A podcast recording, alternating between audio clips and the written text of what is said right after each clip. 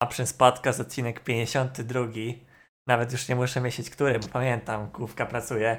Dzisiaj z nami trener Davis One, Kasperski. Cześć, cześć. No właśnie, witamy No i oczywiście Ryan. To ja, siema. I witamy cię też w playoffach Ultraligi. To chciałbym na starcie, wiesz, pogratulować, bo powiedziałeś mi chwilę przed y, podcastem, że jako jedni z niewielu stawialiśmy was jako drużynę playoffową a w tych całych rankingach, nie? No i widać tutaj koneserzy Ligi Legend, szczególnie tej polskiej, jednak mieli rację, nie? Jednak to Devilson trafiło do, do playoffów. Um, szczerze mówiąc, nie byłem zdziwiony tym, że ludzie nas stawiali tak nisko, z tego względu, że doświadczenie naszych graczy było dosyć negatywnie nastawione, bym tak powiedział. No mieliśmy, mieliśmy i mamy Shera i Kralzera, którzy raczej nie zaliczyli swojego pierwszego sezonu w Ultralidze do udanych, więc nie dziwiło mnie to, że ludzie nas stawiali na siódmym i szóstym miejscu, ale miło się zaskoczyłem, jak oglądałem wasz podcast z Azonem i usłyszałem tam, że podobno jesteśmy faworytami do zajęcia, zajęcia piątego No dobra, miejsca. ale poczekaj. Mamy cztery drużyny, o których nie dyskutujmy, bo one są w top 4. Która Mhm. z tych drużyn, okej, dżentelmeni to było coś ciekawego, coś co nawet ludzie stawiali czasami wysoko, Dżentelmeni na EU Masters mieli jechać. bo, bo indywidualnie ten skład wydawał się mieć spory potencjał. Ale wiesz, patrząc na Eskę i na, i na Komili, no to ciężko było tutaj w ogóle dywagować. Jakby ja uważam, że przy tych dwóch pozostałych składach zawsze wypadaliście lepiej. Mm, Właśnie kwestia była taka, że szczerze mówiąc, to może zabrzmieć dosyć zabawnie, ale najbardziej mecz, którym ja się stresowałem w Ultralidze, to był mecz na Komili, tych pierwszych, tak totalnie pierwszy mecz. Dlatego, no, że to grałeś pierwszy, nie? To debiucik. też, ale z drugiej strony to była drużyna, która, wiesz, masz w głowie takie coś, że jakbyśmy przegrali, to przegrywamy na drużynę, na którą nigdy nie powinniśmy przegrać. I takiego, takie coś w głowie siedzi po prostu. No, że I- free win, po prostu to jest free win Tak, dla was tak. i będzie lipa, jak przegracie, no. Więc z jednej strony fajnie, że udało nam się wygrać i zaczęliśmy, że tak powiem, e, z mocnego W, ale potem już gorzej. Potem już było gorzej, bo trafiliśmy, no mieliśmy ciężki terminarz, tam była Pompa, Kick, Ago i Illuminar. Cztery mecze z rzędu i no, i trafiliśmy na nich w dobrej formie. Sami byliśmy jeszcze wtedy w dosyć kiepskiej, osobiście uważam, formie i fajnie, że sprogresowaliśmy na przestrzeni sezonu, tak myślę. No, ale to też w ogóle, ja bym może zaczął od całego, e, że tak powiem, tego mm, rysu historycznego, bo trochę sobie o nim rozmawialiśmy, a ty miałeś trochę tych drużyn, że tak powiem, amatorskich. Mówiłeś mi też, że w drugiej lidze niemieckiej miałeś epizod, jeśli się nie mylę. I, I to wszystko cały czas gdzieś tam się działo. Również zaraz zapytam też o słynny epizod z Hit, gdzie Wiem, wiem, wiem, który. Słynny, Spokojnie. słynny, może nie najlepszy, ale wydaje mi się, że tak większość osób o tym już nie pamięta. Tak Gdzieś Wręcz tam odeszło zapomnienie. No Tak, ale wręcz. wiesz, no, hejterzy z czatu zawsze będą pamiętać, no, zawsze będą wywlekać tę historię, wiesz. Nie no, kto Ja teraz na nie- czacie pamięta tę akcję z hit? Myślę, że sporo osób, z tego względu, Znaczy- że zazwyczaj. No. No wiadomo, u nas na pewno będzie trochę więcej tych, co pamiętają na Twitchu, niż tych, co nie pamiętają, bo u nas to prawdziwi koneserzy. Połowa to pewnie trole jeszcze. Więc tak wydaje mi się, że... Znaczy, ja mogę wy, wytłumaczyć, może niekoniecznie to jest dobre słowo. Mogę powiedzieć, dlaczego wyszła taka sytuacja z hit, jeżeli chcecie. Um, chodziło o to, że to był po prostu misunderstanding, a zrobiła się z tego drama na poziomie, jakbym ja rzeczywiście miał jakiś. Bo chodziło o to, że ludzie mnie oskarżyli o kolesiostwo, tylko że kwestia jest taka, że ja kompletnie nikogo nie znałem na polskiej scenie. Jedyną osobą, którą znałem na tych tryoutach, znałem, w sensie kojarzyłem, to był Snower, dlatego że kojarzyłem, że był w Ultraidze, ale ja kompletnie nikogo nie znałem. Wiedziałem tylko, że Puszek ma 13 lat. To była jedyna rzecz, którą ja wiedziałem. I nie znałem tych ludzi. I po prostu wybraliśmy taką piątkę, którą wtedy wybraliśmy.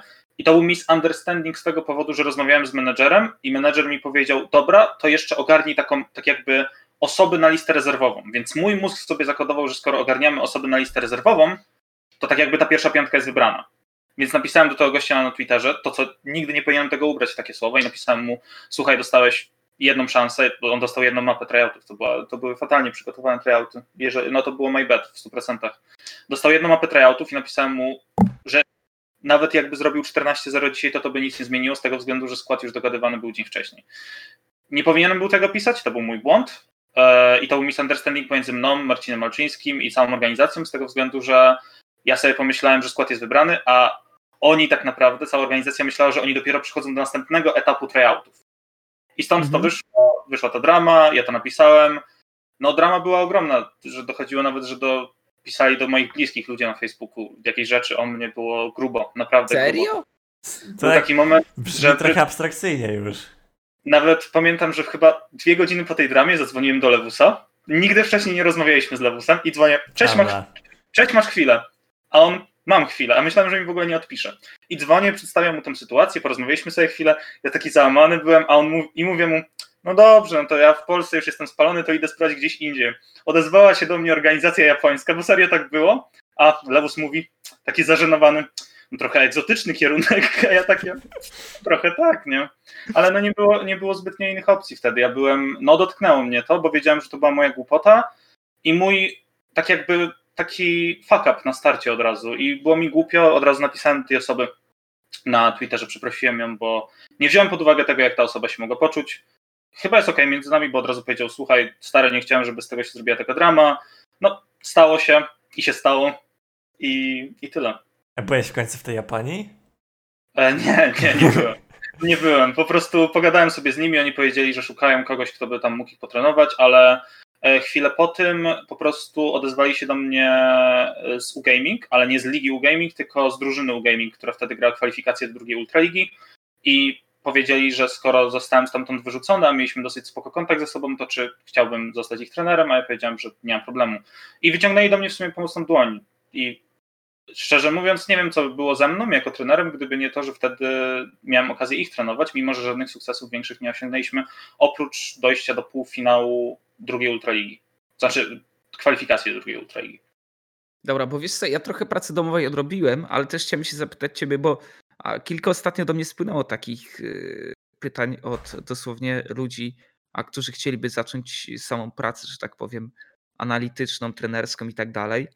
A wiem, że zaczynałeś od y, coachowania detrójek z, z ISTA, czyli no to byli chłopacy, którzy pewnie chcieli spełnić, spełnić swoje sportowe marzenie, natomiast wiemy, że to a z dala jest od, y, od ideału. Ale powiedz mi, jak to wyglądało w ogóle, że ty stwierdziłeś, dobra, będę jednak coachował? Jak ty się też plasowałeś, jeżeli chodzi o sol kolejkę, czy też powiedzmy, miałeś jakieś tam marzenia bycia graczem wcześniej? E, czy od początku stwierdziłeś, że masz taki zestaw umiejętności, który, który sprawia, że chcesz być trenerem? Marzenia bycia graczem miałem, ale bycia graczem CS-a. Przez całe moje takie życie, kiedy starałem się jakoś dorosnąć, to chciałem zostać graczem CS-a i no 14 godzin dziennie non-stop waliłem w tego CS-a ile się dało. Tam miałem 7000 godzin chyba ostatecznie wyrobionych. Naprawdę, po prostu CS był całym moim nastoletnim życiem. Oczywiście no, bez przesady też, też nie było tak, że nie wychodziłem z domu czy coś, po prostu mhm. skupiłem się na tym, bo bardzo chciałem zostać progresem CS-a, ale po jakimś czasie zdałem sobie sprawę z tego, że po prostu nie wypali, mieliśmy spoko team, graliśmy, to się nazywało PCW, na takie fajne europejskie teamy, ale widziałem, że to nie ma sensu i była taka sytuacja, że byłem na wakacjach właśnie z dziewczyną w Anglii i zobaczyłem, że Devils One grał finał na, to było wtedy jeszcze Rogue Esports Club bodajże i zobaczyłem właśnie, że sobie grałem ten finał i sobie pomyślałem, bo ja oglądałem LoL już wcześniej oczywiście, tylko sobie pomyślałem, że kurczę, że fajnie się rozwinął LoL w Polsce i że może jakbym troszeczkę pod, popracował nad moją wiedzą, nad moim podejściem do niektórych rzeczy, to może by się udało być trenerem. I właśnie zobaczyłem wtedy, że Devilsman wygrał, co było dla mnie szokiem z tego względu, że wiedziałem, że nie byli wtedy faworytami i tak jakoś mnie to zainspirowało i uznałem, no spróbuję. I właśnie wróciłem z tych wakacji i zacząłem sobie wtedy tak masowo oglądać niektóre filmiki, między innymi LS-a, między innymi jakieś inne filmiki, starałem się swoją własną wiedzę jakoś tam na wyższy poziom. No byłem samoukiem tak naprawdę, nie miałem nikogo mhm. innego, się mogłem uczyć. E, I wtedy była taka sytuacja, że uznałem, że dobra, spróbuję sobie pokołczować, czy zobaczę, czy w ogóle osoby coś z tego będą wynosić. Zacząłem właśnie kołczować te D3 z EUN, że tak powiem. I no to była cięż, to było ciężkie przeżycie, bo miałem złe podejście wtedy. Ja się potrafiłem denerwować o to, że przegrywaliśmy mecz, a nie rozumiałem tego, że przecież im zależy na tym, żeby wygrać mecz tak samo jak mi. I po prostu po miesiącu właśnie wtedy skontaktowałem się też z Flashem i on mi dał mega dużo pozytywnych takich. To była pierwsza osoba, która mi w ogóle odpisała i mhm. on mi dał mega dużo pozytywnych cech. Ostatnio właśnie się śmiał do mnie, napisał do mnie na pewno, napisałem mu, że no na Media Day mówiłem, że dałeś mi dużo pozytywnych cech, a on powiedział, bo to było przed meczem na nas, że oby nie za dużo. I, i tak wyszło, że e, teraz wtedy jeszcze uznałem, że w sumie to jest to, co chciałbym robić, mega się tym zajarałem i to był ten epizod z tymi D3 Seuna, robiłem jakieś swoje analizy i ten angaż w hit wyniknął z tego, że napisałem do Marcina Marcińskiego na PW na Twitterze. Cześć, szukacie trenera do drużyny. A on tak, podeślij swoje demo. Podesłałem swoje demo, e, oni to ocenili, uznali, że najwyraźniej moje demo było najlepszym z tych, które dostali. Dostałem wtedy tą szansę, którą niestety sobie sam zniszczyłem.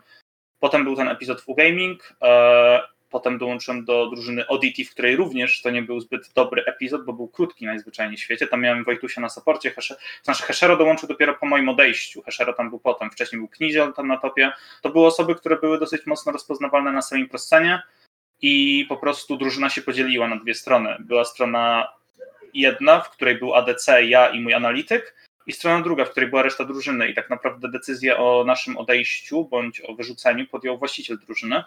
Czy słuszną, to nie mi w sumie oceniać, bo wyszło tak, a nie inaczej.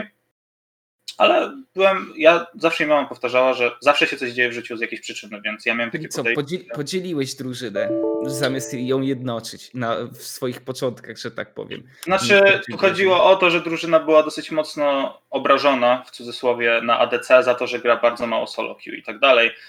Ja starałem się go bronić. To dlaczego On... zacząłeś go bronić? Dlaczego zacząłeś bronić chłopa, który gra mało solo queue? Z tego względu, że jako jeden z niewielu bardzo mocno przykładał się do screamów. Przychodził zawsze pół godziny przed czasem, był naprawdę osobą, która na screamach wypadała fantastycznie i zawsze bardzo dobrze się z nim spracowało. Z kolei, no nie powiedziałbym tego samego o innych. Często było tak, że musieliśmy usuwać cały blok screamów z tego względu, że pewna osoba na przykład się spóźniła, bądź po prostu zaspała, bo grała jakiś tam to znana sytuacja. Na polskiej scenie. Ale wiesz, z drugiej strony możemy na ten temat dyskutować, bo wiesz jak to jest w drużynie. Ty, ty masz na pewno bardzo duży y, ogląd tego, że po prostu jeżeli wiesz, że je, idzie jakiś przykład gdzieś z boku, że ktoś się nie przykłada, no to później wychodzi, że cała reszta jest demotywowana. Tak i z perspektywy czasu uważam, że podjąłem być może błędną decyzję i że powinienem podejść do tego bardziej neutralnie. Ostatecznie wyszło tak, a nie inaczej i uważam, że to nie było nie była to najlepsza decyzja, ale to był też powód, dla którego wtedy znalazłem się w Akademii właśnie TTW, czyli tej drużyny niemieckiej. Mhm. I, tam no, druga liga, tam graliśmy playoffy do drugiej ligi, to jest poziomowo to była trzecia liga. No bo tam jest okay. tak, tak jak jest w polskiej ekstraklasie, że ekstraklasa jest niby pierwszą ligą w piłce nożnej, ale jest ekstraklasa i potem jest pierwsza liga. Mhm. Czyli ta pierwsza Aha. liga poziomowa jest drugą najzwyczajniej w świecie. I tam, no tam wstępowaliśmy, bo co to było? To były Master EUW poziom, tam naprawdę nie grały dobre drużyny, wystarczyło sobie opracować jeden pattern i opracowaliśmy sobie jeden pattern grania połk kompozycjami i drużyny nie wiedziały, co sobie robić z tego. Wygraliśmy e, best of trójkę decydującą o dostanie się do tych playoffów, dostaliśmy się do playoffów. E, też dużo mi wtedy pomógł Will, czyli trener TTW głównego składu, który teraz współpracuje z Highwayem i no, i tak wyszło, że się tam znalazłem. No dobra, ale słuchaj, jesteś tym samoukiem, ale na pewnym etapie na pewno chcesz czerpać jakieś wzorce. Mówiłeś o Flashu, ale to raczej na zasadzie wymiany, wymiany kilku zdań. Czy w ogóle starałeś się czerpać jakieś wzorce, wzorce, czy stwierdziłeś, że może sport tradycyjny to jest, nie wiem, a jakiś tam, jakaś tam opcja, żeby to, żeby coś podebrać, bo wiesz, no jakby zresztą też to moje jakby follow-upem do tego jest pytanie, w, w jakich y, sferach się czujesz najmocniejszy, jeżeli chodzi o bycie, trener, y, bycie trenerem? Czy to jest ta stricte gra, czy to jest też budowanie relacji w drużynie, wiesz, jest, jest mhm. multum tego tak naprawdę. Wydaje mi się, albo nawet nie tyle, co wydaje mi się, co jestem pewien, że na początku to było na tych niższych sferach po prostu uczenie graczy tego, co powinno się robić dobrze, bo umówmy się, na tych niższych poziomach w stylu właśnie D1 EUW bądź Master, um, podstawy są, no kuleją po prostu, kuleją. Często dochodzi do sytuacji, w której grasz po prostu, on nie wie, kiedy ma spuszować wave, sfreezować wave, ze slow pushować, yy. Są różne warianty, w których gracze po prostu nie wiedzą, dlaczego coś się dzieje i tak dalej. I to, była, to był taki moment, w którym ja się czułem wtedy najpewniej, a teraz, gdybym miał powiedzieć teraz, jak się czuję najpewniej, wydaje mi się, że prowadzenie drużyny i po prostu prowadzenie jej, bycie osobą odpowiedzialną za całą piątkę, zwłaszcza młodych graczy, których ja akurat mam, bo no, u nas osobą, która jest najbardziej doświadczona jest Zamulek, który ma 17 lat, więc to chyba mówi samo za siebie poniekąd. Jesteś że... dla nich autorytetem teraz, uważasz? Ciężko mi odpowiedzieć na to pytanie. wiem, że to duże, wiem, że to duże słowo, nie? Oczywiście mm mieszmy tutaj, wiesz, tak jak e, ludzie na Twitchu lubią rzucić słowo idol wielokrotnie. Idol, coacha, trapa. Wydaje mi, się, wydaje mi się, że nie jestem autorytetem z tego względu, że mam bardzo mocno takie ziomkowe relacje. To mm -hmm. jest mhm. coś na zasadzie, jak byliśmy na bootcampie, to na przykład e, było bardzo dużo rozmów na przykład. mamy bardzo dużo takich off w ogóle LOL rozmów. Na przykład dochodziło do sytuacji, gdzie każdy skończył jakiś swój tam dzień, e, zagraliśmy screamy, już wszystko i po prostu potrafiliśmy sobie siedzieć do trzeciej w pokoju i sobie opowiadać historie kryminalne na przykład. To w ogóle to był mega zabawny wieczór i dobrze go wspominam, bo sobie gadaliśmy po prostu jak tacy typowi znajomi i nie było takiego czegoś, że okej, okay, tu jest gracz, tu jest asystent trenera, tu jest trener, tylko to było tak jakby jak piątka, szóstka znajomych. I to było bardzo fajne. Dlatego wydaje mi się, że po prostu nie tyle, co jestem dla nich autorytetem, co jestem dla nich po prostu najzwyczajniej w świecie znajomym i na pewno dużo dało ku temu zbliżeniu graczy przyjście Davera, czyli mojego asystenta do składu, z tego względu, że on wcześniej już znał Zamulka i współpracował z nim w hit i wiedział poniekąd, jak, jak dobrze wpłynąć na niego, tak uważam, z tego względu, no, że... No, tak jak mówiłeś, Zamulek y, w cybersporcie, tak jak mówiłeś, Zamulek sam go polecił, nie? Tak. I to było tak, że Zamulek go jakoś mocniej forsował, czy po prostu powiedział, hmm. ten gość jest potrzebny? Nie, powiedział, że asystent był potrzebny. Powiedział, że on zna takiego Davera, ale miałem mhm. mnóstwo innych osób, które się zgłaszały. Między innymi analityk e, dżentelmenów, była jeszcze w przeszłości jedna analityczka, która teraz jest w sumie analitykiem w Rogue, która, z którą byłem, mieliśmy bliski kontakt i pisaliśmy są dużo na temat tych analiz. I fajnie w sumie, że fajnie w sumie, że tak wystrzeliła w górę, bo powiedziała, że pamiętam, że napisała mi, że szuka drużyny w ERL-u, przy czym nagle wchodzę na jej profil jakieś trzy dni temu, a tam no, analyst for Rogue, a ja takie okej, okay, nice, fajnie. E, I, no, I Daver, Daver okazał się być potrzebną osobą z tego względu, że też zobaczyłem, jak on współpracuje z graczami i to jest osoba, która dużo wniosła do składu. I też my się dogadujemy z tego względu, że poniekąd osobiście mam wrażenie, że się wywodzimy z podobnych sfer, z tego względu, że on dużo ogląda LS-a, ja dużo oglądam LS-a i mamy podobne. Nie jesteśmy takimi typowymi fanboyami. A później Shero buduje Hexdrinkera. Hexdrinkera, Essence był... Rivera i jeszcze Duskblade'a full armor Malphite'a to był problem, to co on zrobił. Znaczy, to było o tyle problematyczne, że Sheru, to było, on dopiero po fakcie się skapnął, że to zrobił. On to kupił i nagle Diago do niego mówi, ej, ale wiesz, że nie możesz teraz złożyć shieldbo, a on, ale jak to?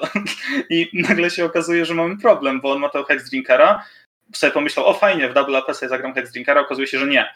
I czy to, no nie wiem, czy sam, czy sam build nam przegrał grę, po prostu zagraliśmy źle w tych kluczowych momentach i Zamulek starał się to odratowywać, ale nawet w tej ostatniej akcji, którą dzisiaj Lewus oglądał na streamie, gdzie leciał tepek od. Gdyby ten tepek poleciał do jakiegokolwiek innego warda, wygrywamy ten teamfight, bo też tam idzie, a Blizzcrank jest spóźniony. I na rotacji, na, na rotacji tam nie no było tak, opcji. To był taki alkohol tepek trochę. No, to był troszeczkę tepek e, pod imprów, zdecydowanie. Tepawa no, każdemu, każdemu się zdarzy. Oczywiście z przybrużeniem oka o tych buildach mam nadzieję, że Sheryl tutaj a, po prostu zimprowuje na kiki, będzie git.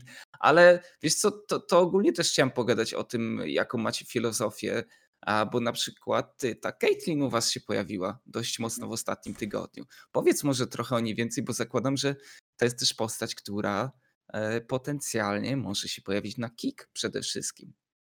No, jeżeli Flash nie sferspikuje, jak to miał, miał w zwyczaju robić za czasów piratów po Blue, to być może. Lano, lanowa playoffowa postać Caitlyn Podoro z bota. Um, wydaje mi się, że naprawdę Caitlyn jest teraz bardzo mocna, z tego względu, że inni ADC są w trochę takim dziwnym spocie i są bardzo łatwo kontrowalni. Na przykład, nie wiem, first Kai'Sa, masz bardzo łatwą kontrę. First Samirę, no Samira teraz w ogóle jest dead, więc nie da się nią grać. First e, Senne, również ma na to kontry. Więc Caitlyn jest takim czempionem, który zawsze możesz piknąć, żeby zagrać strongside, bo możesz do niej dobrać bardzo fajnych supportów, którzy zapewniają jej dużo protektu i naprawdę czasami siedzą. Na przykład Trash, na przykład Lux, na przykład Morgana. Jest mnóstwo przykładów, w których Caitlyn się dobrze sprawdza. Plus do tego, jeżeli dobierzesz do niej odpowiednią kompozycję, e, to naprawdę potrafi zdziałać cuda, co było widać w naszym meczu na Komili, na Komili bodajże. To hmm. sam draft uważam, że był zły, i tu też biorę za to odpowiedzialność. Między innymi, oczywiście to nie jest tylko moja decyzja. Dobra, a ile jest według Ciebie procentowo, proporcjonalnie? Procentów w drafcie, tak? Um. Kwestia jest taka, że to jest bardzo mocno zależne od meczu. Na przykład w meczu na, e, to był Gentlemanów, tak, to był mecz na Gentlemanów. Było takie coś, że e, sfersyfikowaliśmy Serafin, oni odpowiedzieli Alistar Gragas, tak, oni odpowiedzieli Alistar Gragas, i ja wtedy, jak to zobaczyłem, to od razu krzy krzyknąłem wręcz, będąc na bootcampie, Kamil Galio po prostu. I wtedy każdy za mną powiedział Kamil Galio. I piknęliśmy Kamil Galio. Mhm. Ale z drugiej strony na przykład jest taki moment, w którym na przykład Zamulek ktoś powie, ej, to naprawdę dobrze siedzi. Ja wtedy po prostu siedzę cicho, pozwalam im to przedyskutować i czekam do jakich wniosków dojdą i Dawer też dużo w draftach wnosi z tego względu, że też czasami ma taki głos, w którym na przykład jest rozkmina, ej, czy to, czy to? I on mówi na przykład, ej, a spróbujmy to. A ja mówię, no też powinniśmy spróbować to. To jest ważne, że w tych kwestiach, w których są bardzo ważne, na przykład czwarty, piąty pik, jesteśmy on the same page i się zgadzamy w tym. Więc procentowo to ciężko stwierdzić, bo są drafty, które są naprawdę, że więcej procentów dałbym nawet drużynie niż mi, ale są też drafty, które dzieją się o 180 stopni inaczej i które są bardziej skolowane przeze mnie, na przykład. Przeze mnie i mhm. w tym przypadku, przez naszą dwójkę. No, ale, ale wiesz, ja bym chciał to jakoś uśrednić w rozumieniu tego, bo wiadomo, że przyjęło się dyskusji, że jeżeli draft jest spieprzony, no to idziemy do coacha i go obwiniamy. I wiesz, wielu, wielu trenerów mhm. mówi tak, to jest moja wina. Natomiast chciałbym też trochę tutaj wyłożyć na światło dzienne to, ile tak naprawdę jest gracza, wiesz, z twojego doświadczenia, ile tutaj jest, i nie mówię tutaj tylko konkretnie o tej drużynie, że też mhm. niekoniecznie e, jakimś tam konkretnym przykładem kierując się, ale żebyś jednak dał nam perspektywę trenera, gdzie wiesz, że są pewne ograniczenia i tego nie przeskoczysz. I jak ten chłop gra kurde tylko syndrom albo Orianą, to i tak będzie chciał to Ale grać. jesteś hejterem. Perspektywa jest taka, że w każdej drużynie jest inaczej. Na przykład w moich poprzednich drużynach ja byłem osobą, która sama kolowała drafty, często, ale często było też, to zależało od komfortu. Na przykład jak graliśmy tą best of trójkę, o której wcześniej mówiłem i przegraliśmy, przegraliśmy mapę i było 1-1, to powiedziałem, panowie, po prostu dajcie mi zrobić samemu ten draft i ja biorę całą odpowiedzialność za ten draft. I oni mi pozwolili, mhm. zrobiliśmy to, poszedł kompletnie, gdybym jeszcze tam, tam był taki draft, że gdybym piknął Yumi, to byłby koniec, nie dałoby się grać. Piknąłem Zyrę z jakiegoś powodu zamiast Yumi, ale i tak, i tak był stąd, to nie, to nie zmieniało nic. Po prostu to są takie momenty, w których ty bierzesz odpowiedzialność w 100% jako trener za to, bo to forsujesz poniekąd w bardzo ważnym momencie drużynowym. Ale z drugiej strony um, ciężko, ciężko stwierdzić, który moment jest taki, wiesz, taki typowo, że że procentowo można to tak uśrednić. Wydaje mi się, że to mocno zależy od tego, jakich masz zawodników, bo na przykład w Davis One nie mamy takiego czegoś, że my z Dawerem robimy całość, gracze siedzą cicho w telefonach i w ogóle, no piknij mi to. Mhm. Nie, tak nie działa. Każdy z nas, każdy z graczy daje tam jakąś swoją cegiełkę i dzięki temu dochodzimy do wspólnego konsensusu, co jest najlepsze. I wydaje mi się też, że często jest takie coś, że coś na przykład nie wyjdzie, wiemy, że to jest do poprawy w perspektywie czysto draftowej i to naprawiamy na przestrzeni dni, tygodni na przykład ten pik Ani na e, kick, no to było na pewno coś, to co... specjal Krausera. No, to był specjal. Taki specjal, że sami się zaskoczyliśmy tym pikiem. Ale wydaje mi się, że szczerze mówiąc, po prostu my mocno też improwujemy z tygodnia na tydzień i to jest bardzo fajne. W perspektywie draftowej zarówno jak i graczy. I wydaje mi się też, że screamy dzięki temu mocno pomagają, bo ja jako rookie coach i Sleeper na przykład jako rookie support, wydaje mi się, że to na nas spoczywała też poniekąd odpowiedzialność, żeby nie czołkować, w, tak w cudzysłowie. I staramy się też to robić poprzez przygotowanie do meczy i omawianie tych wszystkich rzeczy i zagrań, które mamy na dane drużyny. Dlatego wydaje mi się, że po prostu podchodzimy do danych meczy, do każdego meczu inaczej i to czyni nas najbardziej niebezpieczną drużyną, bo nie mamy jednego stylu, tylko mamy parę powłok i jeżeli dojdzie do tej best of piątki z kick, to nie będzie takiego czegoś, że oni wygrają jedną mapę i nagle się okaże, o, Devils One mają jeden styl i nie da się grać. Nie, my będziemy mieli bardzo dużo asów z rękawa i wydaje mi się, że, że oni sami się mogą zdziwić. Po prostu. I, Taką wiesz, mam nadzieję. Ja bym chciał tak naprawdę w ogóle o Slipperze też pewnie sobie porozmawiamy, ale na razie w skali makro, wiesz, przychodzi Sawik, ten łysy człowiek, rzuca ci walizkę na stół z pieniędzmi, otwiera ją, mówi zrób mi skład. I mówi tak, chcę playoffy, czy stary, nie ma za bardzo czasu, sklejmy coś na szybko po prostu, żeby to dobrze wyglądało. Mm. Jak to wyglądało? I wiesz, pamiętajmy, że ty miałeś w, tamtym, w tym sezonie coachować y, SK Academy, nie? Tak, byłem ugadany z Eską. To była w sumie dosyć nie tyle co niezręczna, co niecodzienna sytuacja. Byłem dogadany już z Eską, ale nie byłem jeszcze pod kontraktem i wtedy się do mnie odezwał Zetural, że bardzo by chciał, żebym, bardzo by chciał zaprosić mnie na rozmowę kwalifikacyjną do Akademii Pompy, żeby ją prowadzić. Powiedział, że jestem ja i jeszcze inna osoba. Um, i powiedziałem mu, że nie, z tego względu, że jestem w Esce. Po czym nagle tydzień później jestem w Davis One. Tylko, że kwestia była taka, że powiedziałem mu nie, z tego względu, że rzeczywiście już zaczęliśmy skrimować z Eską. Czyli odrzuciłeś pomoc Zeturala? Tak, odrzuciłem ofertę Zeturala. ofertę. To, to nie było tak, że on powiedział przyjdź do nas na rozmowę, jesteś w 100% w pompie. Powiedział przyjdź na rozmowę, tyle. No I... wiem, wiem, ale, wiadomo, ale, no. ale z drugiej strony, wiesz, patrząc na to, jak fajny ma sztab szkoleniowy Pompa, zdziwiłem się, że, że odrzuciłeś to mimo, bo rozumiem, miałeś na ofertę na stole, typu, że i tak co by się działo, będę robił w SC, nie? Znaczy of, oferta, oferta, można to nazwać ofertą. To było tak, że po prostu Zetruel przyszedł, przyszedł powiedział, możesz być w Pompie Akademii, jeżeli przejdziesz tam rozmowę kwalifikacyjną, mamy ciebie jakąś jeszcze inną osobę. Chyba chodziło o Seresa, wydaje mi się. Ale to są tylko moje przypuszczenia. Ja powiedziałem, no nie chciałem ryzykować, bo SK to było coś pewnego, a mogłem iść do pompy na rozmowę, a to było tak, że on się ze mną skontaktował w piątek, a musiałem czekać do poniedziałku i nagle bym został z ręką w nocniku i bym nie był ani w SC, ani w pompie, gdybym nie przyszedł rozmowy. I bałem się takiej sytuacji, z tego względu, że po prostu dla mnie to było za duże ryzyko. I nagle wtedy się właśnie skontaktował ze mną obecny menedżer Devilsów po paru dniach i powiedział, czy jestem pod... zaczął rozmowę jak tam u mnie i czy jestem pod kontraktem w SC. A ja powiedziałem, że jeszcze nie. A on powiedział, że ktoś się ze mną skontaktuje odnośnie bycia w Devil's One. A ja, a, okej. Okay. I powiedziałem, że w porządku, zaczęliśmy rozmawiać. Tam też wyszła dosyć niezręczna sytuacja z tego względu, że ja zostawiłem dla siebie tą informację i Eska o tym nie wiedziała, ale to dlatego, że byłem o to poproszony. Potem Eska się o tym dowiedziała. No wiadomo, że to nie jest zbyt pozytywne, że nagle dowiaduję się, że trenera im tak jakby e, ktoś ukradnie, w cudzysłowie. I miałem mało czasu na złożenie tego składu. Mało czasu i, e, i dużo rozmów z graczami. Tam było dużo potencjalnych składów. Wtedy jeszcze w ogóle Davera nie było, bo Daver dopiero był po trzech tygodniach na, na screamach bądź po dwóch i po prostu uznałem, że trzeba działać szybko i trzeba działać tak, żeby ten skład rzeczywiście miał ręce i nogi. Początkowo rozmawiałem, rozmawialiśmy mniej więcej gdzieś z Benkiem, między innymi czy miałby tam być. Potem okazało się, że jednak nie, z tego względu, że po prostu E, no, nie dopasowało się to wszystko. Zamulek był taką osobą, którą bardzo chcieliśmy na pewno, ale tam też było dużo zawirowań, bo nie wiedzieliśmy, czego będziemy mieć. I nagle okazuje się, że e, Diagu mi odpisał w końcu po jakimś czasie, bo napisałem do niego, odpisał mi po paru dniach, wcześniej widziałem Twoje wiadomości. Sheru to w ogóle miał wyłączone DM-y, więc nie dało się z nim skontaktować. E, I nagle ja piszę do Diaga, cześć, czy masz chwilę na rozmowę? Zgadaliśmy się i powiedziałem mu, że wprost, że chciałbym, żeby on był i mówię, że na topie chciałbym Sheru albo Grzybka. A on mówi, Grzybka? Kto to ku jest Grzybek? A ja mówię, no taki gość, co grał w Trinity Force Cupie. A on mówi, nie, żadnego Grzybka tutaj nie będzie. A ja mówię, nie no, Grzybek albo Sheru. A on mówi, bierz Shera. A ja mówię, nie no, nie, to zależy od tego, jak rozmowy przebiegną.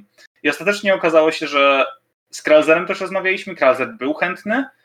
E, były rozmowy też z innymi supportami, z tego względu, że raczej tak preferowane było to, żeby Zamulek miał bardziej doświadczonego supporta koło siebie, dlatego że sam jest osobą dosyć młodą, nie tyle co niedoświadczoną, co młodą i przydałaby mu się taka osoba, która, która go będzie prowadzić i nagle się okazało, że jest sleeper, który ma zerowe doświadczenie, gra full trade ze swój rookie sezon i jest OTP-kiem Tresha. Tak, tak ludzie go postrzegali tak naprawdę.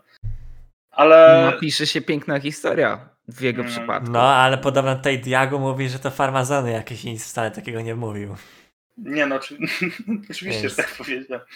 Nie no, Diagu, Diagu on tak to żartobliwie to powiedział oczywiście. To nie było tak, że on powiedział, że bierzemy Sheru. Nie, no, to było tak, że on powiedział, że nie wiedział, kim jest Grzybek i powiedział, że wie, kim jest Sheru, ale też nie powiedział, że był najlepszym jakimś topem wtedy dostępnym. Po prostu mm -hmm. sam, sam powiedział, że bardzo że dziękuję za szansę i że chciałby być w tym składzie. Ja powiedziałem, że nie ma za co i że, i że po prostu, i że mam nadzieję. On sam był zdziwiony, że był taki dobry skład dostępny, bo wiesz, była końcówka sezonu, większość składów było już oficjalnych oprócz Ago, Nas i Gentlemanów i nagle się okazuje, że tacy zawodnicy jak Zamulek, jak Kralsder, jak Sheru są rzeczywiście dostępni i oni są do wzięcia. I mimo tego kiepskiego startu, który, który oni mieli w Ultralidze, ja bardzo mocno przyglądałem się im z tego względu, że każde przygotowanie i każda moja decyzja wiedziałem, że jest bardzo ważna i będzie poniekąd. Ja miałem wolną rękę praktycznie od Devil's One i wiedziałem, że to będzie na mnie spoczywać odpowiedzialność, czy ten skład zagra, czy nie zagra. Zagra, w sensie, czy się łącznie ze sobą będzie to jakoś spajało. No dobra, ale rozumiem, że miałeś po prostu określony budżet i miałeś na tej podstawie zbudować zespół. W sensie to tak wyglądało. Tak, no, oczywiście, że tak. Mhm. Oczywiście też nie mogę mówić, jaki to był budżet, ani i tak dalej, ale, Ale tak, gdzieś tam możemy nie chyba- rozmawiają o pieniądzach. No Gdzieś tam możemy dlatego- chyba się domyślać, jaki to budżet. No, był jakiś określony budżet i po prostu dostałem informację, żeby złożyć skład. Też mocno pracowaliśmy wtedy z menedżerem. Była taka sytuacja, że ja właśnie byłem pewnego dnia w trasie i po prostu przez te 5 godzin w samochodzie chyba dogadałem 6 różnych możliwych składów, które miało być. No to, było, to był ciężki dzień. Jeszcze na, na koniec prawie wypadek miałem, więc zabawnie było. E, I ostatecznie stanęliśmy przy składzie Slipper, Zamulek, Kralzer, Diagu, Sheru. I ten skład no, został na całe szczęście dopięty, bo to też nie było takie oczywiste. I no, z perspektywy czasu, czy to był najlepszy możliwy skład, no teraz tak mogę powiedzieć, ale no nie wiemy tego, tak? Czy No, z perspektywy innym- wyników bardzo łatwo się Bardzo ocenia. dobrze wyszło. Ale to No. właśnie w sumie napisać na czacie, w komentarzach, jaki myślicie, że to budżet jest Devil's One. 20 No. złotych paysafe card to fałszywa opinia, jak już mogę powiedzieć. Sleeper, Sleeper na pewno też był dobrym uzupełnieniem tego składu i też poniekąd wiedziałem, kim on jest, z tego względu, że już e, kiedy screamowaliśmy w SK Akademii, to Sleeper też tam był. Więc Mhm. po prostu skontaktowałem się z nim i powiedziałem, ej słuchaj, czy nie chciałbyś być w Devil's One? A on, serio? A ja mówię, no serio. A on, no jasne, że tak. I... To w sumie tak ciekawe, bo jak Sleeper dołączył do Devil's One, to ja miałem takie, zupełnie nie wiedziałem, kto to jest. Pierwszy raz widziałem jego nick, cokolwiek. Jak przedstawiałem potencjalny skład graczom, to nikt nie wiedział, kto to jest. Każdy się pytał, kto to jest Sleeper i myślę, że po tym splicie już tak nie będzie. Myślę, że teraz już każdy wie, kim jest Sleeper i e, też poniekąd e, fajne jest to, że udało nam się... Ja wiedziałem, że on może mieć, i to też było coś, o czym mówił w wywiadzie ultraligowym, jakieś problemy ze stresem, z tego względu, że wie, wiecie, nagle on sobie gra solo queue, wbija sobie Grandmastera i nagle musi grać przed, nie wiem, dziesięcioma tysiącami ludzi, licząc tam tr- transmisję UL i tak dalej. To I, co, jest co, to gdzieś w bo głowie. ty mówisz, że się stresowałeś. To kto się bardziej stresował, ty czy gracze? Nie, ja, ja się stresowałem tylko pierwszą kolejkę, potem już w ogóle. To była tylko pierwsza kolejka, potem już przeszło kompletnie, ale ze Sleeperem zrobiliśmy parę, jeszcze jak był w SC i potem jak już był w Devil's One, zrobiliśmy sesje coachingowe i też mu tłumaczyłem, że to Summoner Shift, które on ma na Practice Toolu, nie różni się niczym od Summoner Shift, który ma grając na, nie wiem, Luroxa i tak dalej. To jest to samo Summoner Shift i on będzie grać w ten sam sposób. I czy to coś pomogło? No to Sleeper by musiał napisać na czacie, czy to coś pomogło. Ja dobrze No wspominam wiesz te co, niby tak, ale czasami ci zawodnicy potrzebują trochę, żeby pograć na, tym, na tych oficjalach, wiesz. To jest jednak presja, którą czasami ciężko jest. No nie, do, nie dostał swojego komfortu. ale- też. Dobrze, jak się niki wyłącza, polecam. Bez ników się gra o wiele prościej. Bo jednak jak, No. jak grasz na kogoś i widzisz, że cały czas nad głową, że ma napisane, nie wiem, humanoid czy coś, to tak trochę inaczej się gra. A tak to No. można zapomnieć, więc to taki mały, szybki trik. No i Sleeper kończąc już tylko był takim idealnym spoiwem tego wszystkiego, bo to fajnie uzupełniał, on też, ludzie nie wiedzą tego, bo nie są w zespole, ale on bardzo dużo wnosi do zespołu. Tak komunikacyjnie ma takie gry, gry, że po prostu jest szefem i totalnie wwozi. Każdy z nich ma, każdy z chłopaków bardzo mocno progresuje. Ja jestem zdania, że jeżeli Kralzer w przeciągu dwóch lat nie będzie w jakiejś naprawdę wysokiej europejskiej lidze, to to jest żart, bo to jest gość, który ma największy potencjał, jaki ja widziałem w moim życiu. Serio. Kralzer jest insane, jeżeli o to chodzi. I, I nie wiem, czy kiedykolwiek widziałem gracza, który ma taki talent, taki raw talent. W sensie, no wiadomo, są gracze, którzy mają talent zrobiony ciężką pracą i są gracze, którzy Czekaj, mają talent odnośnie których konkretnie cech uważasz? Czy, czy tak Mm, ogólnikowo mówisz? mechanik. Jest, och, Mechanik i, mechanik i zrozumienia gry. Mhm. I patrząc na, na warunki, przy których obecnie też gra. Z tego względu, że wiem, że tam ktoś mówił, że ma w domu 80 MS-a czy coś takiego i że to nie są idealne warunki do gry. To nie jest tak, że wiesz, że on sobie siedzi na bootcampie, ma 5 pingu i 244 Hz monitor, czy tam jeszcze więcej. Nie, to tak nie działa. Każdy, każdy z nas ma inne warunki i on, nie patrząc nawet na warunki, ale patrząc na indywidualny skill, jest, no, jest strasznie wysoko. Jest, myślę, że to jest też powód, dla którego nie, nie baliśmy się go stawiać na różne postacie w stylu właśnie Irelia i tak dalej, bo no, sami widzieliście, co zrobił na tym Wiktorze przeciwko Kick. On bardzo mało błędów tam pozycjonalnych jakichkolwiek robił, po prostu wiedział, jak zagrać, a to też nie było tak, że Wiktor to jest jakaś jego mega komfortowa postać, bo z tego, co się orientuje, tak nie jest. To jest po prostu A jak jego przesiadka taki... chłopaków na komputery w EPC? Zakładając, No, No Mm, Kralzer jak się przesiadł, to, to chyba mu trochę gorzej szło potem. no Ja Kral, tak- Tak się Kralzer, z tego, co pamiętam, to cię wywoził na solo w EPC. wywoził, jak on solo kile dostawał i nie trafił Eryk, więc dlatego mnie to rozbawiło. A, to nieważne, to jakieś błędne informacje dostałem. E, nie no, dobrze, dobrze mu szło, ale no miał też takie On tam chyba spadł do D2? No Kras coś... D1 siedzi właśnie cały czas chyba. Właśnie było coś takiego, że on spadł, potem z powrotem był y, w D1. Nie, no on, on ma takie skoki rank, ale rangi nie wskazują na to, jak bardzo talented jest. Poza tym nie ma osoby w naszym składzie, o której bym nie mógł powiedzieć czegoś takiego.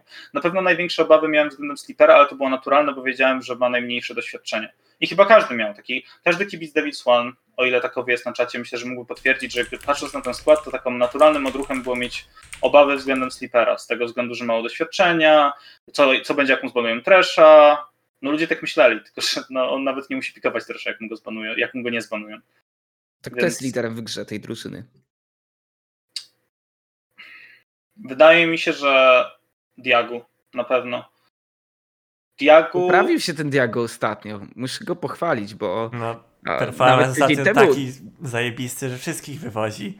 Dużo pozytywnych słów z naszej strony słyszę, pamiętam w ostatnim podcaście i rzeczywiście.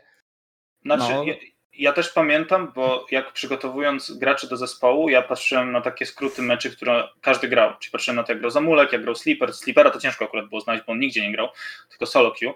I każdy ma, miał jakieś tam swoje highlights, a Diago był sforsowany grając w Gentlemanach na sety, wolibery i tego typu postacie. I to nie była jego wina, ani to nie była wina, mam wrażenie, sztabu szkoleniowego. To była po prostu, tak była stworzona ta drużyna. To jest tak, jak masz e, gentlemanów obecnych i to masz Heshero. To obecnie, oprócz wczorajszego meczu, zawsze go dawali na takie weekside'owe czempiony. Na jakieś Orny, Wolibery i tak dalej. A ja znając Heshero też wiedziałem, że to nie jest dla niego komfortowe. Z kolei Diagu tutaj on może piknąć cokolwiek ma ochotę piknąć. Nie, że ma wolną rękę do piku czempionów. Chodzi o to, mhm. że on ma po prostu Ocean Pool i on naprawdę może piknąć nawet Iverna. Jak naprawdę, jeżeli będzie spot, w którym Ivern Rengar siedzi, to on by to piknął, jestem pewien. I chodzi o to, że ludzie nie widzieli tego i nie widzą tego, jak on dużo wnosi do zespołu, ale wydaje mi się, że komunikacyjnie no, jest szefem, bo bardzo dużo też ogląda. A ile uważasz w tym tak jest wszystkim takiego przereklamowania mediowego, czyli na przykład, nie wiem, Lewus powie, ten gościu jest kotem, później na Ultralice powie Silvan, nie, on jest totalnym oraczem, a ile jest takiej realnej oceny później? Mówię tutaj oczywiście o tych ludzi, którzy później zatrudniają tych graczy. Myślę, że jest dosyć sporo, bo taka łatka się dosyć mocno przydziela. Ja zanim w ogóle miałem okazję z Zamulkiem, na przykład to jest przykład, zanim miałem okazję z Zamulkiem współpracować, on o mnie słyszał mnóstwo złego i ja o nim słyszałem mnóstwo złego. Na przykład, ale nigdy ani razu ze sobą nie rozmawialiśmy. Po czym Co słyszałeś do rozmowy.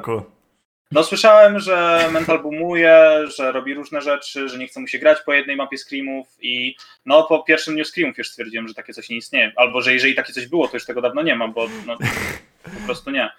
I Zamulek jest naprawdę bardzo pozytywną osobą i jak na swój wiek jest, nie powiem ogarnięty, bo to jest taki mem drużynowy, że kiedyś Ale może jest ogarnięty. czy nie? Jak, czy, jest jak na, czy jest dojrzały? Jak na swój wiek oczywiście. No na pewno progres zrobił przez ostatnie dwa lata, to trzeba powiedzieć. Nie wiem, wczoraj sobie do trzeciej w nocy wysłaliśmy me memy z Rychem więc nie wiem, czy my obydwoje jesteśmy dojrzali. Tak, oj. To jest, to jest nie, takie... no wydaje mi się, że nie, że Samulek jakby patrząc na jego a gdzieś tam akcje social mediowe, to oczywiście cały czas jest dość młodą osobą, ale mówimy o grze, wiesz. Ale już na social media jest w porządku, już nie ma tam ataków na żadnych Leonardo ma, z Hiszpanii. Ma duże, poję ma duże pojęcie o grze, na pewno jak na swój wiek. Ma, ma 17 lat, chyba niedawno miał urodziny. Duże pojęcie 17. o grze i złamane serce, nie? To też mi się wydaje, że mocniej pozwoliło mu skupić się na gierce. W jakim, w jakim sensie złamane serce? No, Juli, Juli miał grać. No. Miał gra, ty, grali, a, a potem. To, to nie, nie, znam tej, nie znam tej historii. grali z Juli, miał na friendliście, a potem ten a potem powiedział, w sensie ona napisała do niego, że no, kim jesteś? Nie no, za, za, Zamulek, Zamulek tryharduje i Zamulek to jest osoba, która stawia, to widać po nim, że stawia Lola na pierwszym miejscu. Ja takie coś szanuję, bo w wieku 17 lat mieć tak mental nastawiony na...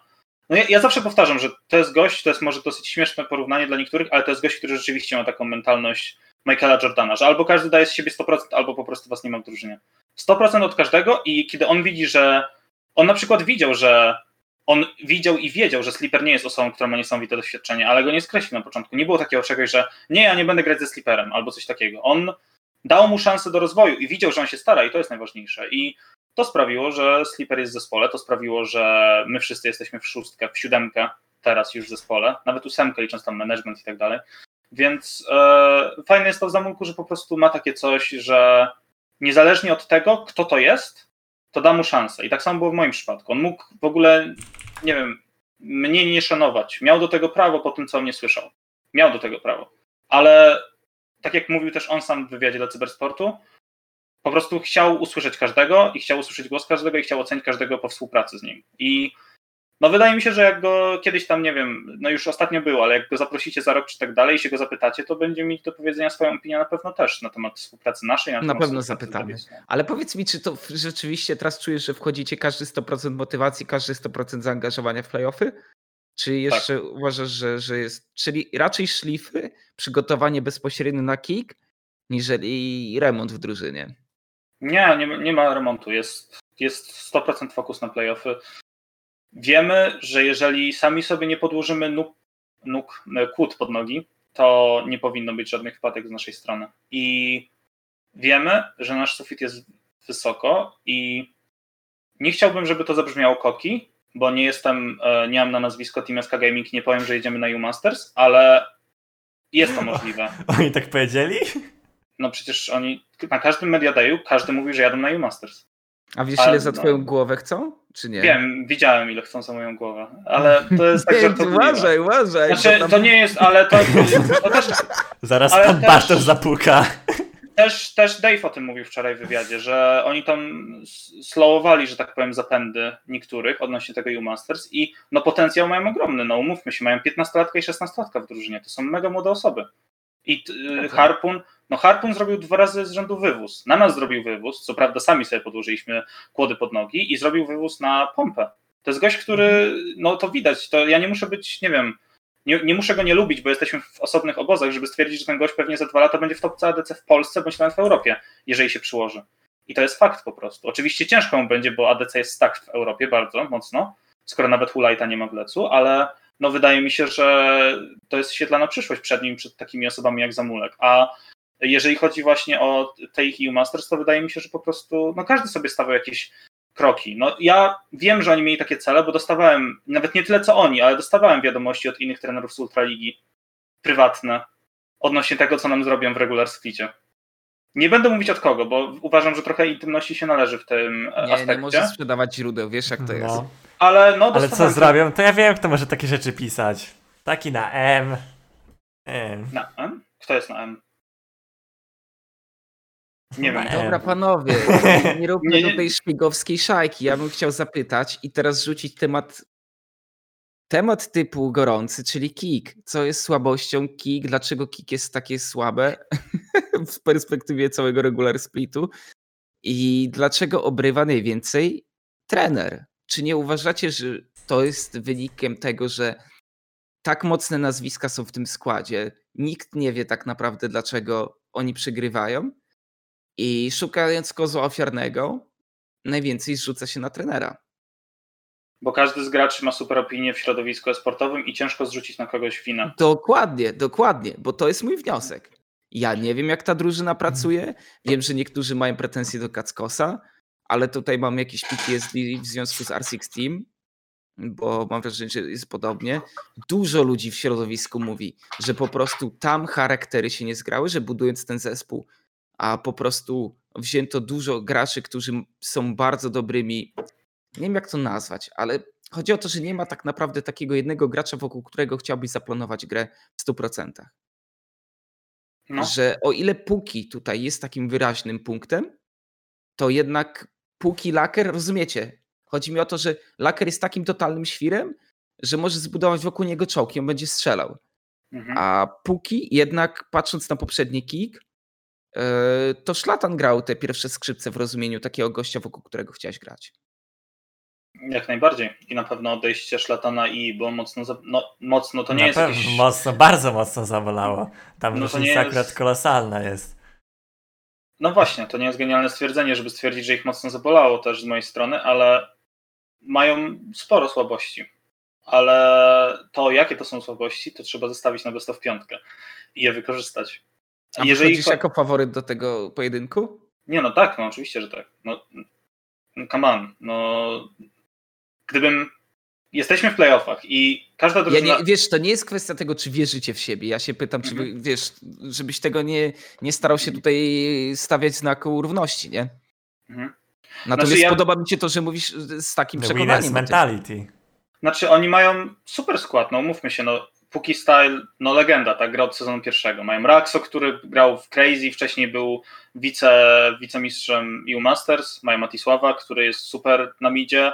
Odnośnie Brunesa nie jestem tak pewien, dlatego że wydaje mi się, że troszeczkę ma gorszy split, ale nie wiem, czy to jest kwestia indywidualna, czy o co chodzi. Może po prostu tak, tak mam takie dziwne wrażenie. A jeżeli chodzi o, o Kackosa, to no nie wiem, czy ma jakiś świetny split za sobą. Sharuso Sharu ma bardzo dobry split póki co na niego i Sharu się czuje bardzo comfy do niego. Nie wydaje mi się, aby był jakikolwiek matchup na jakiejkolwiek linii, gdzie powinniśmy się bać. I chodzi też o to, że skoro jesteśmy w playoffach, to wydaje mi się, że każda drużyna, i Kik, i Luminar, Ago, i my, jak chodzimy do playoffów, to wchodzimy z zamiarem wygrania. No nie, nie ma takiego czegoś, że wygramy jedną mapę, bądź dwie mapy, bądź jedną serię i to nam wystarczy. Mhm. Bo apetyt, apetyt rośnie w miarę jedzenia w każdej drużynie i to jest takie coś, że wchodząc, do danego etapu nie jesteśmy tam w nim po to, żeby pokazać się po prostu z dobrej strony. Po to, żeby mówili, o, Davis One, no powalczyli, wzięli dwie mapy ze, od Kiki, no fajnie było, nie, to nie o to chodzi. My jesteśmy po to, żeby wygrać i każda drużyna powinna wiedzieć, że jesteśmy po to, żeby wygrać. I to jest fakt. A nie boisz się, że takim składem, jak dostaniecie jedną bombę, to możecie się nie, możecie nie powstać w takiej serii Best of Five? No ale Tutaj pytanie, pewnie? pytanie, co będzie, jeżeli Kik dostanie jedną bombę i jeżeli to będzie jeden stąp. Bo weź pod uwagę, że to są weterani i oni będą mieli w głowie to, że jeżeli dostaną na przykład, nie wiem, 22 minuty stąd, zastępowaliśmy -hmm. ich, oni będą mieli w głowie to, że coś poszło nie tak i w Best of 5 nie masz czasu na naprawienie tego w trimminga. Nie będzie takiego oczekiwania, no zanalizujmy sobie, co poszło nie tak. Nie. 10 minut przerwy, siadasz do kompa, rozgrywasz kolejną grę. Jasne, to ja uważam, że ten mecz będzie 3-0 w którymś ze stron. Uważam, że w okay. naszą. Ale ten mecz równocześnie może być 0-3 dla nich i 3-0 dla nas. Oczywiście, ja uważam, że będzie 3-0 dla nas, ale nie zmienia to faktu, że każda z tych drużyn i zarówno my, jak i KIK jesteśmy na ten moment najbardziej nieprzewidywalni z całej tej piątki. Bo od AGO każdy oczekuje, że będą dobrzy i grają naprawdę ok, oprócz tej wpadki na Illuminar. KIK nie potrafi przegrać na dżentelmenów i na nas, po czym wygrać na pompę. My potrafimy przegrać na Eskę, żeby tydzień wcześniej wygrać na kick. To jest to samo. My jesteśmy sami dla siebie czasami nieprzewidywalni. I naprawdę wydaje mi się, że jeżeli mm. zagramy, zagramy dobrze, zagramy na swoim poziomie, który prezentujemy na screamach, to nie ma opcji, że tego nie wygramy. I ja wiem, że chłopacy też w to wierzą, bo... O Pobie też jeszcze pogadam, bo wydaje mi się, że tam nie jest turbo kolorowo ostatnio, ale wiesz, jeżeli chodzi o kick, no to dla mnie tak naprawdę ta drużyna w pewnym momencie była totalnie dumt. Jak ja widziałem, że oni w meczach, na których powinni łapać łatwe punkty, a gdzieś tam się zastanawiali o co chodzi, a część z tych graczy uzewnętrzniała się na social media, ja tak naprawdę mm, nie wiedziałem, co z tym będzie. Wydaje mi się, że też mają teraz w tym momencie jakiś tam powiedzmy e, dobry występ, tak? Udało mi się wygrać na pompę, więc to jest ważne. I jednak kick przy tak tylu weteranach, tylu graczach, którzy jednak trochę pograli w ligę, mhm. e, dla mnie zawsze będzie zagrożeniem. Tak, no oczywiście, że tak. To może być. Ja, ja w Mediadayu Ultraligi mówiłem, że Kik może wygrać Ultraligę. Wyobraź sobie. To powiedziałem w mhm. Mediadayu, że nie Agoro, nie, no, tylko Ktokolwiek stawiałby poniżej top 2 przed. Yy, to trochę tak trolling jest stawianie Kik poza top 2 przed startem splitu. Tak, tak, tak. Bez dwóch zdań. W sensie wiecie, oczywiście może ktoś powiedzieć i gdzieś tam to argumentować, chociaż zakładam, że nikt by wtedy takiej argumentacji nie użył, nie? Że to może nie wypalić. Ale przeciętne Illuminar, czy też powiedziałbym tragiczne w Trinity, pompa, która tak naprawdę wprowadza dwóch nowych graczy na bota, no, no nikt nie postawiłby tego powyżej Kik. No. no. wydaje mi się, że największą słabością Kik są oni sami, tak samo jak my jesteśmy swoją własną słabością. A najlepszą, właśnie wręcz przeciwnie, wydaje mi się, że największą ich siłą może być Flash, bo chodzi o to, że on ma bardzo dużo doświadczenia, mimo młodego wieku, które wyniósł ze składów doświadczonych, na przykład Illuminar, gdzie jednak miał wokół siebie Kikisa i Jazziza i oczywiście to nie był udany split, który oni wtedy mieli, ale to jest doświadczenie, które prezentuje potem w przyszłości. No co wiedzę I... wyssał to jego. Jazzy zresztą teraz jest coachem SK. SK w, po, w połowie stawki gdzieś w lesu. Jesse z Eagle Masters też potem wygrał. Więc też Michał No. mówił, że wiele się od niego nauczył i to no, dużo mu daje. No i na I pewno I równanie pana Kosickiego, czyli przynajmniej top 4 w playoffach, nie? Za każdym razem. Chociaż Zobaczymy. teraz podchodzi raczej z kwestii faworyta, niżeli gościa, którego, któremu nic nie zależy, nie? W sensie. Znaczy, ja też na to patrzę z tej strony, że jednak to była pierwsza osoba, która kiedykolwiek mi jakoś pomogła i mam jakiś sentyment do tego, więc może dlatego tak mówię. Mhm. Ale Ale myślisz, że Kik podchodzi jako faworyt? na pewno, wydaje mi się, że W no, to jest taki faworyt, że niby powinni wygrać, bo inaczej przypał, ale tak kurczę, wydaje mi się, że nie do końca. Jak... W kwestii oczekiwań. Umówmy się, w kwestii oczekiwań nie powinno być innego wyniku niż wygrana kick. Natomiast w kwestii sportowej, tego jak dyskutujemy na temat tych drużyn, jak się pokazywały w trakcie sezonu, to już nie jest takie proste. No też wiesz, oczekiwania przedsplitowej, teraz oczekiwania te, które są po splicie. Zupełnie Mm. inne. tak, no zmieniły się na pewno diametralnie dla nich. Wydaje mi się, że mają. Oni są bardzo nieoczywistą drużyną, tak kończąc ich w sumie tak segment, bo oni mają dzień, w którym mogą. Na przykład na nas, to sam Flash przyznał, że no, draft był bardzo ciężki do egzekutowania, ale wiemy, no, że to jest. Oni mogą mieć super drafty. No. Flash w końcu był w tych grupkach e, Weigara, Wi- Witu i tak dalej, nie? Więc wydaje mi Mhm. się, że no, z tego co pamiętam, draftował tam na analista Sprite i go zastępował cztery razy. Oczywiście analiz Sprite to nie jest jakiś insane wysoki poziom, ale to nie zmienia faktu, że to, są doświadczenia, które się nabywa. I to są też takie coś w głowie, że niektórzy zawodnicy, tacy jak Puki Style. Poprzedniego sezonu Pride, w sensie poprzedniego. Tak, poprze- tak, tak. Przecież jak Puki Style zaczął grać w Lola, to Zamulek miał 7 lat. No to Mhm. No, to, to jest, mają, przewagę mają, jeżeli chodzi o doświadczenie. My mamy przewagę, jeżeli chodzi o świeżość w składzie, uważam, i to, że wszędzie mają więcej doświadczenia. Raxu ma więcej od Sleepera i możemy tak wymieniać każdą linię. On ma więcej, przecież kiedy on się zaczął zajmować trenerką, ja wtedy sobie grałem w CS-a pewnie, czy coś takiego. I Mhm. wydaje mi się, że to może sprawić, że oni podejdą do tego w roli faworytów, sami ze sobą będą tak szczerzy i podejdą w roli faworytów, ale to nie zmienia faktu, że wszystkie te przewidywania, które ludzie będą mieli przed tym, zamkną się wtedy, kiedy wrota Summoner Shift się otworzą i wtedy, kiedy zaczniemy grać.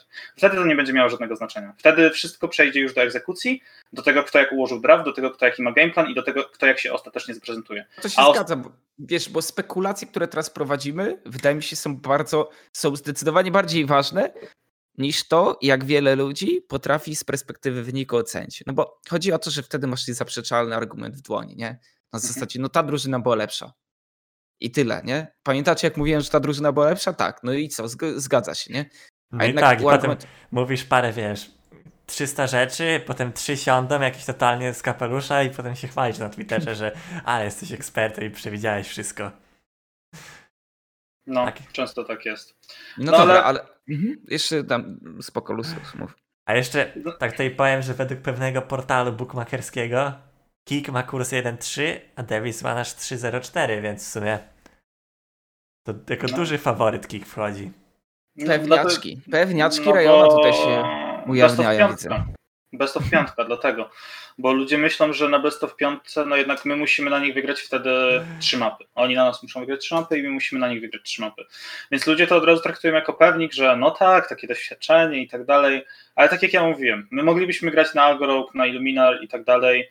I ostatecznie jak zaczynamy grać, to wszystkie te przewidywania nie mają najmniejszego znaczenia. Bo wszystko, do czego to się sprowadzi, do, do tego, jak my się zaprezentujemy. Tak samo Czyli co, było. Wojteczku, ty byś podkręcił tutaj, e, że tak powiem, wybór No, wydaje mi się, że pewnego bookmachera. wybór drużyny Davis One jest jak najbardziej tutaj dobrym wyborem.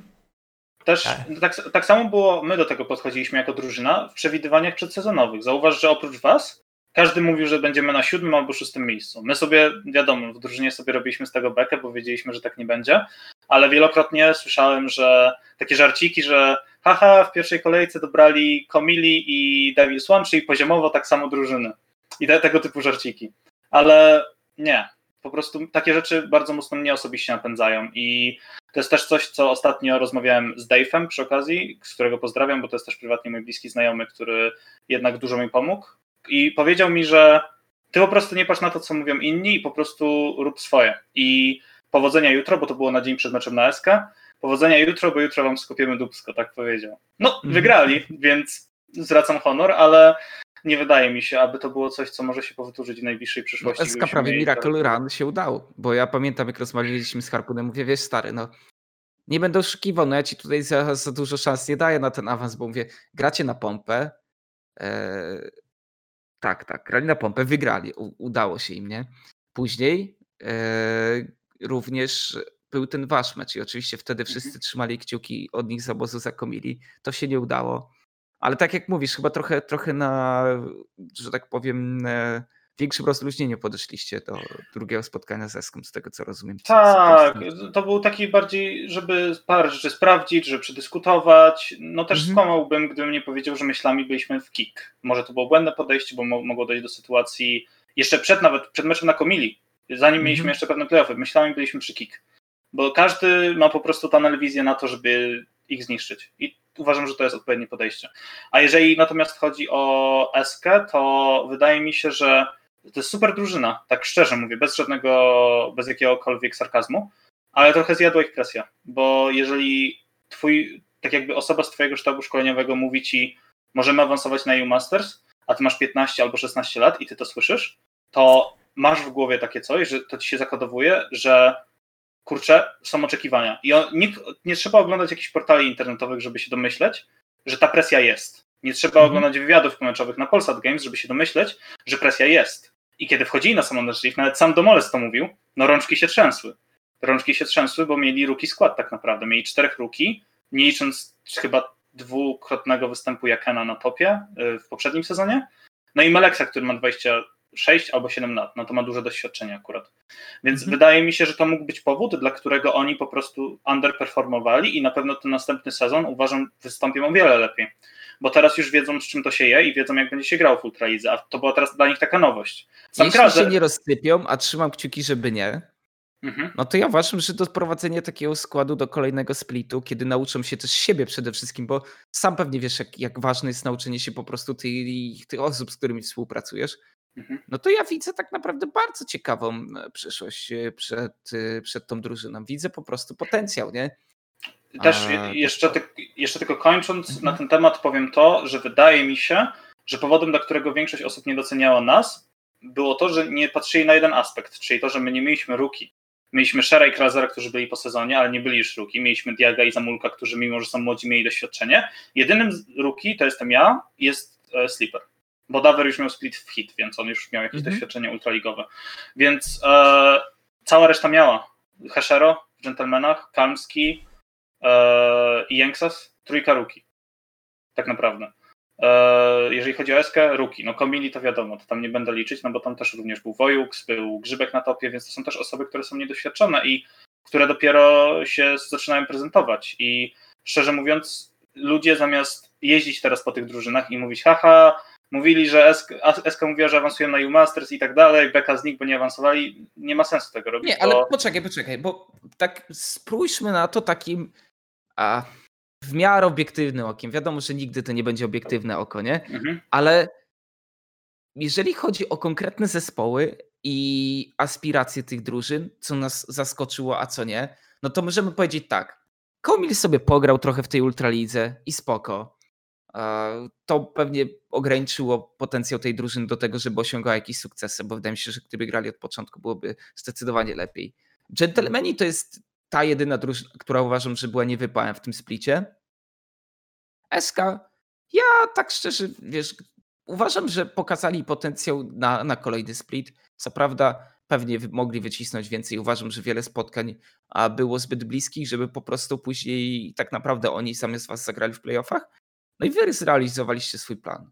Mamy te silne top 4, może nie tak silne, jak się nam wydawało, ale tak naprawdę dla mnie tylko porażką roku, czy też splitu są dżentelmeni. Tak, i ja się zgadzam z tym, co mówisz w 100%, ale wydaje mi się, że to jest też ta kwestia, że bo ludzie mówią, że no, na przykład na Davis One nie ma presji w meczu na kick albo na ago, w sensie nie w tym meczu na kick, co teraz gramy, tylko ogólnie w trakcie sezonu, że nie ma presji na pompę, no bo oni są faworytami, my jesteśmy młodzikami, zero presji. No, to nie jest do końca prawda, bo okej, okay, w teorii tak to wygląda, ale w praktyce każdy z nas wie, że mamy inne cele niż ludzie mówią, że mamy. To, że ludzie mówili, że mamy być top 7, to okej, okay, w porządku, ale my sami mówiliśmy od początku, że chcemy być top 4. I wygrana nam na kick nam to da. Minimum, cel minimum, tak jak powiedział Zamulek wczoraj, napisał na Twitterze, to były zakwalifikowanie się do playoffów, a taki mhm. cel optymalny to byłoby to top 4. Celem ponad stan byłoby wygranie jeszcze jednej było piątki. EU Masters dla Devil's One. I, i EU Masters Zamulek na EU Masters, nowy hashtag. Dobra, a kto wygra? Illuminar czy Pompa? Bo dla mnie faworytem jest Illuminar w tym starciu. Po Mm. ostatnich występach. Myślę, że Illuminar ma bardzo. Mam wrażenie, że tam jest po prostu. Czuję jakiś inny vibe od tej drużyny. I od jakiejkolwiek innej nie czuję takiego czegoś. Po Ale co masz prostu... na myśli? Nie wiem, właśnie. To jest ta kwestia, że nie mają coś takiego w sobie, że po prostu grając na nich, my mieliśmy dwie gierki na nich. Pierwsza, Mhm. trzy, byliśmy 3000 do przodu w 19 minucie. Druga, byliśmy, no powinniśmy ją wygrać swoją drogą. No, Oczywiście. I oczywiście, o, obydwie te gry były do wygrania, zwłaszcza ta druga. I nawet uważam, że gdybyśmy wygrali, to nadal miałbym tą samą opinię, że to jest drużyna, która zrobiła naprawdę ogromny progres, bo przecież w Trinity Force Pokaże Polski, jak Czajek doszedł chyba po tygodniu, no prezentowali się dosyć średnio. Nawet grając kwalifikacje przeciwko SC, jak jeszcze Highway grał w SC, przegrywali na SK. Po czym Mhm. nagle wchodzą do Ultraligi i prezentują się naprawdę, naprawdę dobrze. I to jest też to, że to czuć, grając na nich, że zrobisz jeden błąd na linii, na, na któregokolwiek z tych zawodników i on to weźmie i on już tego nie odda. To jest dosłownie jeden overextend i masz po meczu. W cudzysłowie oczywiście, bo to nie jest tak, że Mhm. po meczu, No ale Tak, tak, tak. czuć to, czuć taką presję. Na innych zawodników nie czuć takiego czegoś. Nie wydaje mi się, aby było czuć takie coś. A No, to, mówiąc to, mam wrażenie, że również podzielasz moje zdanie odnośnie tego, że faworytem jest. tak, nawet wydaje mi się, że będzie 3-1 dla A miał ty. Wojteczku? Pompa Też, czy Illuminar? też wydaje mi się, że Illuminar jest faworytem. Ale będę kibicować, Melonik, co ostatnio performance robi. Będę kibicować Wojtusiowi mimo wszystko. Będę sercem całym za Wojtusiem, ale ostatnio, ostatnio mnie oszukał, bo napisałem do niego na Twitterze, czy, czy wygrałem na SK. On powiedział, jasne, że wygramy. No i Serce za pompą, ale mózg za No, IPG. ja uważam, że Pompa Tam na pewno jednak- będzie faworytem publiczności. Kręcą najlepsze cyferki zresztą, jeżeli chodzi o oglądalność, nie? Ta drużyna jest po prostu najbardziej popularna obecnie, nie? mhm.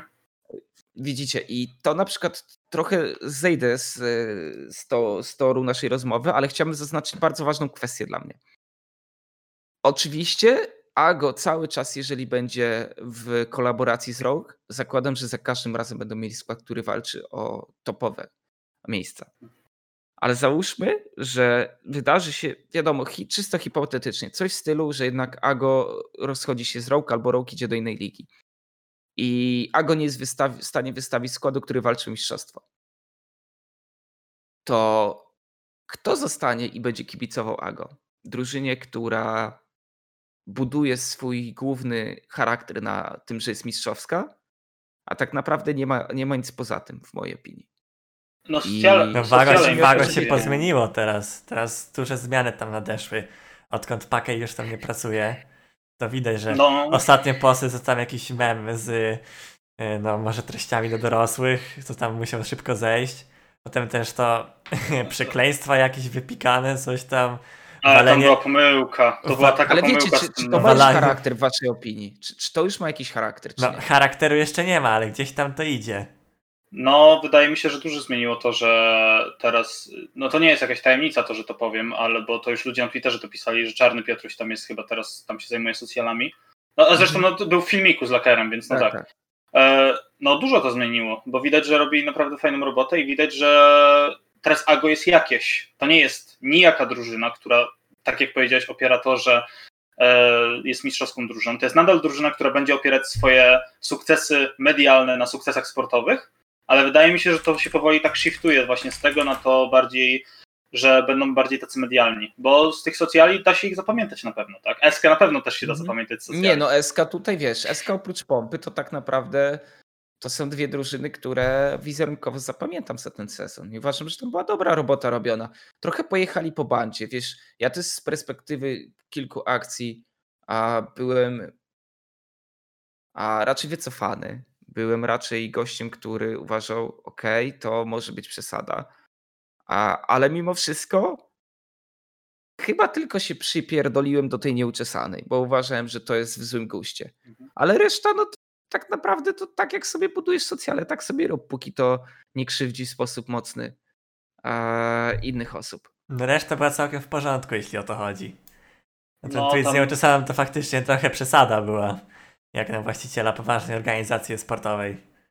Mm. Ale to był prywatny wpis. No to takie trochę nie do końca. Nie no, ma czegoś takiego jak w prywatnych jednak, jednak reprezentujesz w pewnym sensie swoją firmę. Elon Musk napisze sobie, że lubi Bitcoin i Bitcoin leci w górę. No nie ma Ale- tego. Ale piszesz all tweets are my own i już jest bez problemu, co? Za kurtyną rozumiem. Właśnie wydaje mi się, że Piorun i Daniels, bo z tego co wiem, oni się właśnie zajmują tam socjalami, mocno nadgonili tą wpadkę Bartosza Aparty w związku z, w związku z tym, co napisał, bo jednak Mhm. no, da się zapamiętać te socjale i są takie, że wiesz, nawet będąc takim osobą właśnie z przeciwnego razu, obejrzysz sobie ten filmik, sobie tak pomyślisz, o, śmieszne i tak dalej. Widziałem też memy z moją głową na srebrnym talerzu, więc również zabawne. Dop- dopóki czujesz się komfortowo z tym, że jest to banter, a nie wiesz, coś, co totalnie cię wiesz, nie sprawia ci żadnej, żadnej radości, no to wydaje mi się, że to jest spoko, no. No ale jeśli to jeszcze mowa o Agon, to trzeba powiedzieć na pewno, że w tych socjalach widać, że wreszcie coś się zaczyna dziać. Też otworzyli kanał na YouTubie, tam vlogi robią powoli. Był już jeden, czy dwa nawet. Więc no na pewno gdzieś tam idzie to w dobrą stronę, bo ta zmiana no, nadeszła tak w połowie jakby splitu, więc tam też powoli to zostaje wdrażane. Ale Muszą widzę, to zrobić. widzę muszą zrobić coś- potencjał. Mhm. Żeby ktoś rzeczywiście te szaliki Ago czy tam cokolwiek innego chciał nosić, bo słuchajcie, to jest problem na pewno tej drużyny, że wielu z tych graczy później idzie dalej. Że Miwak nie przychodzi do Ago, żeby zostać ich ikoną na następne 8 splitów, tylko chce jak najszybciej i wylecieć do leca, o ile to będzie możliwe, nie? I, I tak będę mówił o każdym z tych graczy, nie? Dlatego ja uważam, że oni powinni budować swój wizerunek y, nieco szerzej po prostu, bo zresztą kurczę, no wspominam o tym Ago, ale wiecie, z drugiej strony Kik, no też organizacja, która wiemy, że ma dość spory budżet, jakby kontraktuje całkiem niezłych graczy, ale później jest cicho. No a go, no takie w sumie budziło emocje dosyć skrajne, tak mi się wydaje, bo jak sobie porównamy ich socjale do innych drużyn, to zanim właśnie się no, zrobiła ta zmiana, to były one dosyć nijakie, a teraz właśnie fajnie, że to się stało, bo nawet jeżeli by doszło do sytuacji, w której oni teraz zrobią super sezon, wygrają Ultraligę i tak dalej i ci gracze odejdą, to znowu będą w tym punkcie, gdzie pewnie będą inni gracze, zupełnie inni, no bo może ile zostanie? Jedna osoba może zostanie, Znowu zrobią najlepszy skład i będą pewnie top 1 drużyną w Polsce. No właśnie, ale wydaje mi się, że gdyby zrobili taki skład, który by bardziej powodował przywiązanie fanów do nich, to mogliby dzięki temu wyjść lepiej na Ale wydaje mi się, że na tym też się opiera im trochę organizacja. Mhm. Biorą tych dobrych graczy, coś tam wygrywają, a potem ich sprzedają gdzieś dalej. Gdzie tam faktycznie tam pan Fly, to słyszałem, że nieźle tam robi obroty. No, wydaje mi się, że przy tym ostatnim zimowym okienku No transferowym trochę rozbili bank. tam byli, były liczone dolary, nie? Tam pizza Zresztą w drugą amerykańska to... stronę też, z drugą strony też wiesz, Wojteczku, było trochę tych dolarów wydane, bo przecież Laker przyszedł z Vitality, nie? To No, prawda, to no, ale pewno. Ale z drugiej strony wydaje mi się, że wartość Lakera spadła po tamtym splicie, patrząc na to, że kiedy odchodził z Devils One, to no, był taką topką, topką, po czym poszedł do Vitality i tam dosyć miernie mu szło. z tego, Mhm. co się orientuje. Po czym wraca tutaj i okazuje się, że każdego wywozi praktycznie. No, to jest szacuneczek, naprawdę, bo. Odżył, nie- odżył w Polsce. Tak, no. Zaczął, zaczął mu tak na. Ponownie zaczął po prostu grać na swoim takim najlepszym poziomie i wydaje mi się, że obecnie no nie byłoby kłamstwem stwierdzić, że jest top 1 ADC FUL. Chociaż z Zamulkiem mamy taki żart, że Zamulek ogląda mecz Lakera i mówi sobie, a ja bym trafił tego Kripka. A ja bym tego nie zrobił, ja bym tutaj nie zginął. Więc może wiesz, może w przyszłości to Zamulek będzie top 1, kto wie. Potencjał na pewno jest. Ty, dobra, mam takie pytanie, bo cały czas na czacie o tym piszą. O co chodzi, że się pytają o TFT jakieś? A chodzi o to, że w TFT, w lidze TFT w Polsacie jest gość, który się nazywa Devils One Kacperski. A bez A ja mam- A ja mam Tak, Devils tak. One Kasperski. I za każdym razem, na przykład byłem ostatnio, byłem u Defejkłana na radyjku LCS-owym, patrzę na czat, czy to ten Kasperski w te, z TFT? A ja takie, no nie, to nie ten Kasperski. I no nie, ja nie jestem tym Kasperskim. On ma, bo on też jest Devils One i jeszcze ma Kasperski. Ja mam Devils One i Kasperski. No po prostu... No ale spo... nie, to ja nie jestem z TFT, nie. Dobra. E, Panowie, tak już e, domykając nasze tematy, to oczywiście warto zawsze wspomnieć o Lecu, sprawdzić co tam jest, e, co tam się dzieje w tej lidze, bo na pewno warto pochwalić drużynę, jaką jest SK Gaming, która zaliczyła Week 2-0, wygrała na a, całkiem ciekawych przeciwników. Nie chcę powiedzieć, że faworytów, ale, ale powiedzmy w, w ich zasięgu na pewno drużyny. G2 i Rogue również 2-0. Za to mam wrażenie, że Fnatic ma cały czas ten kryzys. Nie wiem, czy Fnatic. Po, po raz pierwszy tak naprawdę zastanawiam się, co z tym Fnatic. Bo Fnatic w tym momencie może gdzieś tam a w środku tabeli utknąć i, i w playoffach też niewiele pokazać. Co wy uważacie? No jednak okazało się, że jak grałem na G2 i w G2 już internet nie szwankuje, to już nie jest tak prosto, bo tam dosyć mega duży stąd był. Widać, że na G2, G2 i Rogue w tym momencie są dwa poziomy wyżej nad każdą inną drużyną w lesu, to na pewno. Hmm? Nie wiem jeszcze jakie twoje zdanie Kasperski na to, ale... Mam takie wrażenie, że w Lecu jest podobna trochę sytuacja jak w polskiej Ultralidze. Bo w polskiej Ultralidze zawsze był ten pojedynek Kick kontra Ago i to były takie dwie elitarne drużyny, ale ostatnio to był pojedynek do jednej bramki, jak grało Kick na Ago w tym tygodniu.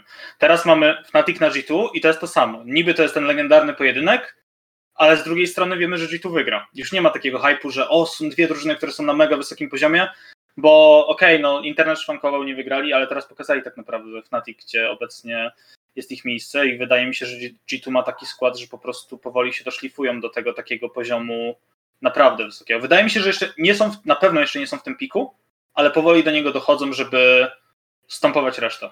No sobie gdzieś tam widać te korelacje, że tutaj tak mamy tą rywalizację pomiędzy G2 Fanatic, Kick Ago i teraz jedna z tych drużyn traci swoich mhm. zawodników i potem gdzieś tam ma jakieś problemy w środku tabeli.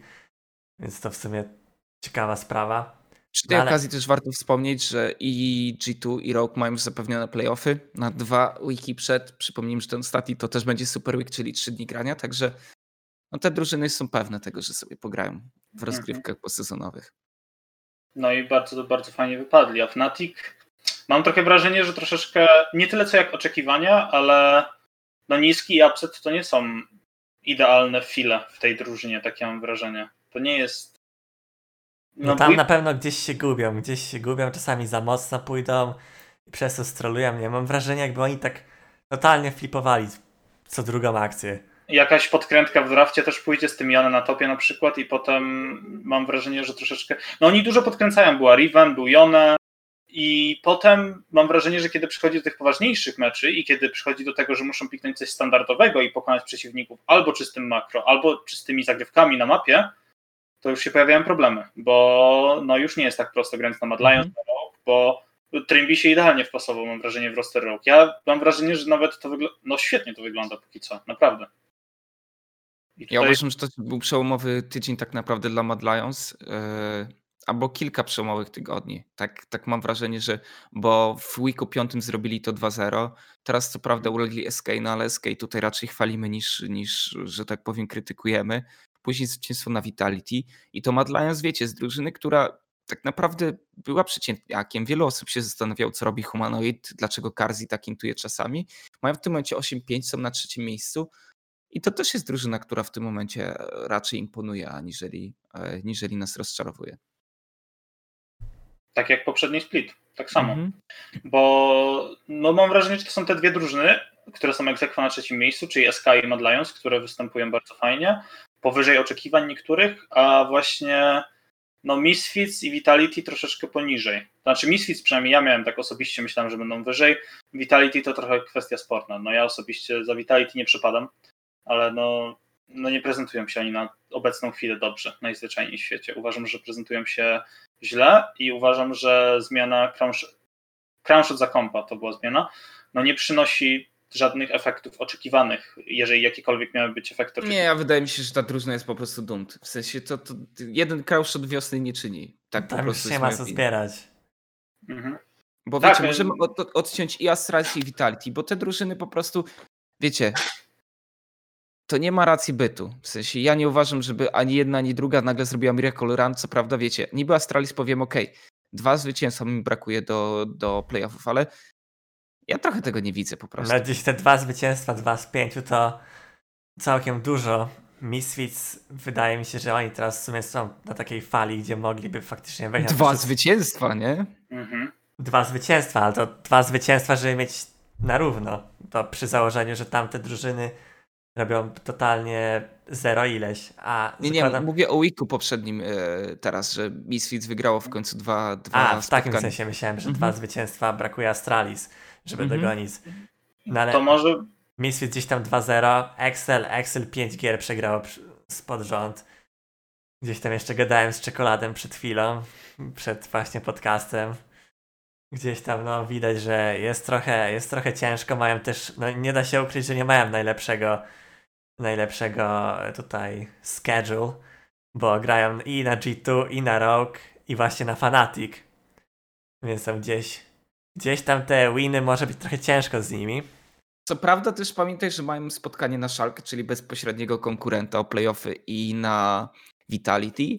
Także zakładając, że mm, te dwa spotkania by wygrali, ale to i tak może być mało, nie? To i tak może być mało. Przypomnijmy w ogóle, że Szalkę jest na a, Szalkę też jest Sześciu- na sześć lustriku całkiem porym, Tak. sporym. Blue Streak 6, Excel 5, na Misfits teraz się trochę przełamało. I dyskutując o playoffach, no to jeżeli mielibyśmy tutaj jakoś racjonalizować tą tabelę, to możemy powiedzieć, że na ten moment mamy piątkę playoffową domykaną, czyli Fnatic, SK, Mad Lions, Rogue i G2. mhm.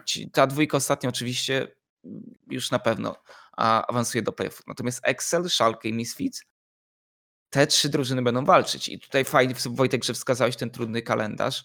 Szalkę, które totalnie nie wiem, nie wie chyba co robić już teraz. O, o ile kiedyś mieli Miracle Runy, tak teraz mają Miracle Rundown a w ostatnich spotkaniach. I wiecie, i, i Misfits powoli zaczyna wyrastać na drużynę, która może a, się do tych playoffów przeczołgać, bo co prawda grają na G2, ale oprócz tego mają Vitality, mają Astralis, mają Fnatic i Mad Lions, nie? Właśnie Trochę łatwiejszy schedule. mam wrażenie, że Misfits może bardzo mocno się podbudować tymi dwoma zwycięstwami, które mieli. Tylko, że problem w Misfits jest taki, że Razork jest, mam takie wrażenie, najbardziej przewidywalnym junglerem w LAC, jaki jest po prostu.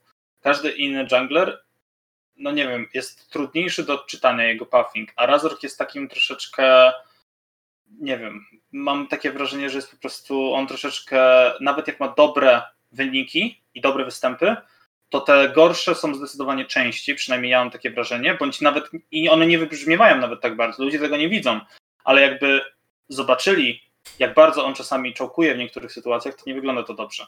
I fajnie, że teraz wygrali te dwie gry, bo wydaje mi się, że to może ich naprawdę ponieść dosyć wysoko. Jeżeli chodzi o szalkę, to no tak jak mówiłeś, no to jest Miracle Random, to zdecydowanie, bo oni tutaj sześć luzów i Excel no tutaj jest kwestia, tu może być taki syndrom jednego wina. Jak złapią jakiś jeden win na G2 albo Rogue, z jakiegoś powodu, nie wiem, G2 może coś będzie chciało przetestować, w końcu mają już pewne playoffy. I na, nie wiem, coś sobie przetestują i nagle Excel stwierdzi, dobra, dzisiaj wygrywamy i rzeczywiście wygrają, to mogą na, naprawdę na takiej fali i pokonać Fnatic, która obecnie jest w środku tabeli, i pokonać Szalkę. I no ja będę trzymać za to kciuki, bo warto trzymać kciuki za Polaków. A to nie jest tak trochę, że największym winconem e, Excel obecnie będzie przyszłe okienko transferowe? Żeby po prostu Ale doszlifować ten myślisz, zespół? że wymienią kogoś? Uważam, że powinni nad tym się Na pochylić. przykład, co co, myślisz, że nie wiem, wezmą Markuna z Akademii? Czy mówisz o takim totalnym wzięciu kogoś z innej drużyny? Mm, No nie wiem, no. Jakby ja uważam, że nie powinni się rozejrzeć. Po prostu jest dużo utalentowanych graczy. Zresztą teraz też, jak zobaczysz sobie, sporo osób na Twitterze europejskim robi a te tier listy graczy, którzy są blisko leca, ale jeszcze w nim nie są. No idzie to wyskautować. No, wydaje mi się, że zgodzę się, ale mam wrażenie, że to Szalkę powinno być taką drużyną szukającą, bo okej, Excel, nie wiem, Dan też nie ma fantastycznych występów, ale w Szalkę, no, to jest troszeczkę problem, bo jest Neon, jest Abedage, który naprawdę potrafi mieć fajne występy i masz Giliusa, który Gilles jest specyficzny na pewno. Tylko dlaczego ta drużyna czasami potrafi turbo dobrze grać, jak im patch podejdzie, a później nie, po- nie wiedzą, co robić? Bo my się zastanowiliśmy na początku splitu, ej, kurde, czemu oni są tacy do, dobrzy? Czemu, kurde, oni zaczynają wygrywać? A później wiecie, no. W sensie, czemu nagle losowo Gilius stąpuje wszystkich i, i Szalkę się przejeżdża po najlepszych drużynach, no. a potem potem wychodzi No, jak wychodzi. Szalka, oni No. mają taki problem i to jest ich problem od poprzednich splitów jeszcze. Mimo, który się zmienia, top lane'u, który się zmienia, to ich problemem jest to, że oni nie są consistent po prostu. Oni potrafią naprawdę wygrać na G2, po czym przegrać na Astralis. I to jest w przeciągu jednego weeku, to jest w przeciągu jednego dnia, 24 godzin, Mhm. potrafią wygrać na najlepszą drużynę w lidze i przegrać na jedną z najgorszych. I kwestia jest taka, że mam wrażenie, że dużo z ich problemów leży w tym, że wybierają sobie naprawdę ciężkie drafty do grania, niektóre z nich, i może sami sobie nie zdają z tego sprawy, ale ciężko jest spełnić wszystkie win condition, które mają. I z drugiej strony mam troszeczkę wrażenie, że no coś tam nie gra. Mam takie coś, że tam ta strzałka, która leci od Kiliusa w stronę Broken Blade'a i w stronę Abedaga, jakoś nie jest ona tak, że tak powiem, połączona z nimi. To jest bardziej coś, jakby ta komunikacja, jak była taka zabawa w przedszkolu, była taka zabawa, że coś się mówiło do siebie przez, nie pamiętam, jakaś taka śmieszna zabawa, że coś się do siebie mówiło i ta druga osoba coś słyszała i przekazywała dalej. to Głuchy dos- telefon. O właśnie, głuchy telefon. To dosłownie wygląda jak szalkę komunikacja. Tak autentycznie. Jeden z nich chce iść na Nashora, drugi chce kończyć, trzeci chce iść na Smoka. No tak, tak wyglądał ten mecz na Vitality, który oni bodajże mieli, który Vit- Vitality wtedy wygrało, z tego co pamiętam. To, no, to nie wygląda dobrze i to dobrze nie, nie, nie obiecuje na przyszłość, że tak powiem. Także wydaje mi się, że tutaj Szalkę raczej nie wyciśnie niczego pod koniec tego sezonu. Zdziwię się. Zdziwię się, a zamkną mi mordę, jak nagle zaczną grać dobrze. A też Też bym się sobie... zdziwił. Ja bym chciał tylko, żeby Axel weszło dla czekolada. No, Wiem, że to jest dosyć ciężkie w tym momencie. Mhm. Misfits, nie wiem, może chociażby nawet Astralis, chociaż przy... Tam Magi Felix ewidentnie widać, że on potrafi, gdzieś tam też jest wysoko oceniany przez chociażby czy to LS-a, który tam gadał zaraz za, insp- za Larsenem i Capsem. Też Czekolad by chociaż mówił, że naprawdę bardzo dobry jest Nemesis, ciężko się na niego grać, ciężko go spaniszować, ciężko cokolwiek zrobić. I ma generalnie bardzo duży ogar z tym, co się dzieje. No ale nie da się ukryć, że no, jego drużyna mu nie pomaga zbytnio. Zwłaszcza kolega na bocie. Astralis. Wiesz, swoje- Astralis, bo mają Misfits i Szalkę. Jak wygrają tutaj, zrobią 2-0, to słuchajcie, zmieni nam się postrzeganie, nie? Ale ja No. nie daję tutaj. No, też odnośnie tego, że Ales mówił, że Magic Felix jest tak wysoko. Wiesz, no, swojego czasu Ales stawiał Selfiego wyżej od Nugdaka, a wtedy to tak też nie wyglądało, więc ja zgadzam Powiedziałem coś o Nemezisie? o Nemezisie, a ja powiedziałem coś. Nie wiem, ktoś powiedział, teraz się pytałem jaki Nemezis. Powiedziałeś Nemesis. Ja- Zaraz, kiedy Mhm. powiedziałem Nemezis? Ja nie słyszałem, że... A, Magi Felixa nazwałem Nemezisem, dobra, A. chodziło o Magi Felixa.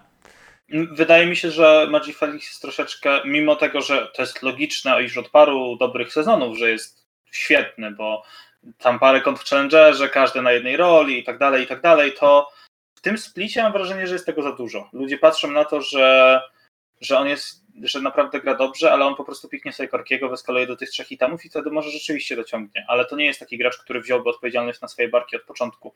Przynajmniej mam takie wrażenie. I i nie wydaje mi się, aby to był gracz, który jest tak dobry, jak ludzie mówią, że rzeczywiście jest.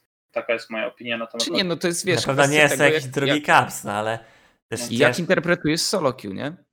W perspektywie competitive. Bo wielu ludzi mówi, kurde, jak on tak na wszystkich kontach ogarnia, musi być zajebisty. Ogarniał, po czym stwierdził, że będzie sobie one-trickować Niko i sobie grał Niko przez większość Nie, bo wiesz o co chodzi. Jakby bardzo wygodnie jest ci usiąść w tym fotelu, kliknąć sobie solo queue, jedno nie wyjdzie spoko. Drugie możesz sobie zagrać trzecie, piąte, dwunaste, jak Magi Felix i tak dalej. Ale później przychodzisz, wchodzisz do lobby na turniejowym i widzisz kilka ników. I czasami to trochę paraliżuje ręce. No. No, zobacz na przykład na Syncrofa. Teraz właśnie spadł do D1 na solo Q, a ma top 1 w LFL-u. I słuchajcie, Syncroft, tak jak ja wam mówiłem kilka tygodni temu, to jest chłop, który, wiadomo, musiałby trochę tą solo kolejkę podszkolić, ale nie zdziwię się, jak mu ktoś da szansę w lecu. No. Tak, oczywiście, że tak. Czy Nawet- też wiesz, tutaj zależy jeszcze co się stanie na, na, na, na EU Masters w playoffach, czy w ogóle się dostaną. Więc tu jeszcze dużo może się zmienić, no ale do top 1 w LFL to już dobry Nieprawda, wynik. Melonik. Dzisiaj gadałem z, Wojta, z Wojtasko i powiedział, że master wbity. No możemy w sumie tutaj sprawdzić, jak wygląda sytuacja, No. jeśli chodzi o Tabasco. Tabasco właśnie wbił Mastera dzisiaj. To No trzeba właśnie. przyznać. No ale z drugiej strony wydaje mi się, że bardzo często tak jest, że ludzie właśnie patrzą tylko i wyłącznie na pryzmat tego solo queue, a nie patrzą na to, jak to się prezentuje na, na oficjalach. No weźmy pod uwagę to, że Diagu też przez cały sezon nie miał jakiegoś wysokiego solo queue. I ja mówię o tym epizodzie naszym w Devil's One i o epizodzie wcześniej w Gentlemanach, poprzednich. On no, był wyżej niż był teraz, bo tam miał master ileś tam LP, ale nawet sam Flash wtedy mówił, że to, że on ma mniej LP nie jest problemem, bo to nie zmienia nic w trakcie splitu, bo wnosi bardzo dużo do drużyny i ja mam identyczne podejście, że nie wiem, to, że na przykład Tabasco miałby D2, D1, bo D2 miał kiedyś tam D2, pamiętam, to nic nie zmienia, jeżeli ostatecznie, kiedy wchodzi na mecz turniejowy, daje z siebie 100% i rzeczywiście wywozi. I to widać w przypadku Tabasco w niektórych meczach i to zarówno widać w przypadku Diagu i Cinkrofa. I akurat tak wyszło, że o wszystkich mówimy jako junglerach. Nie wiem czemu, ale taki przykład trzech, trzech junglerów.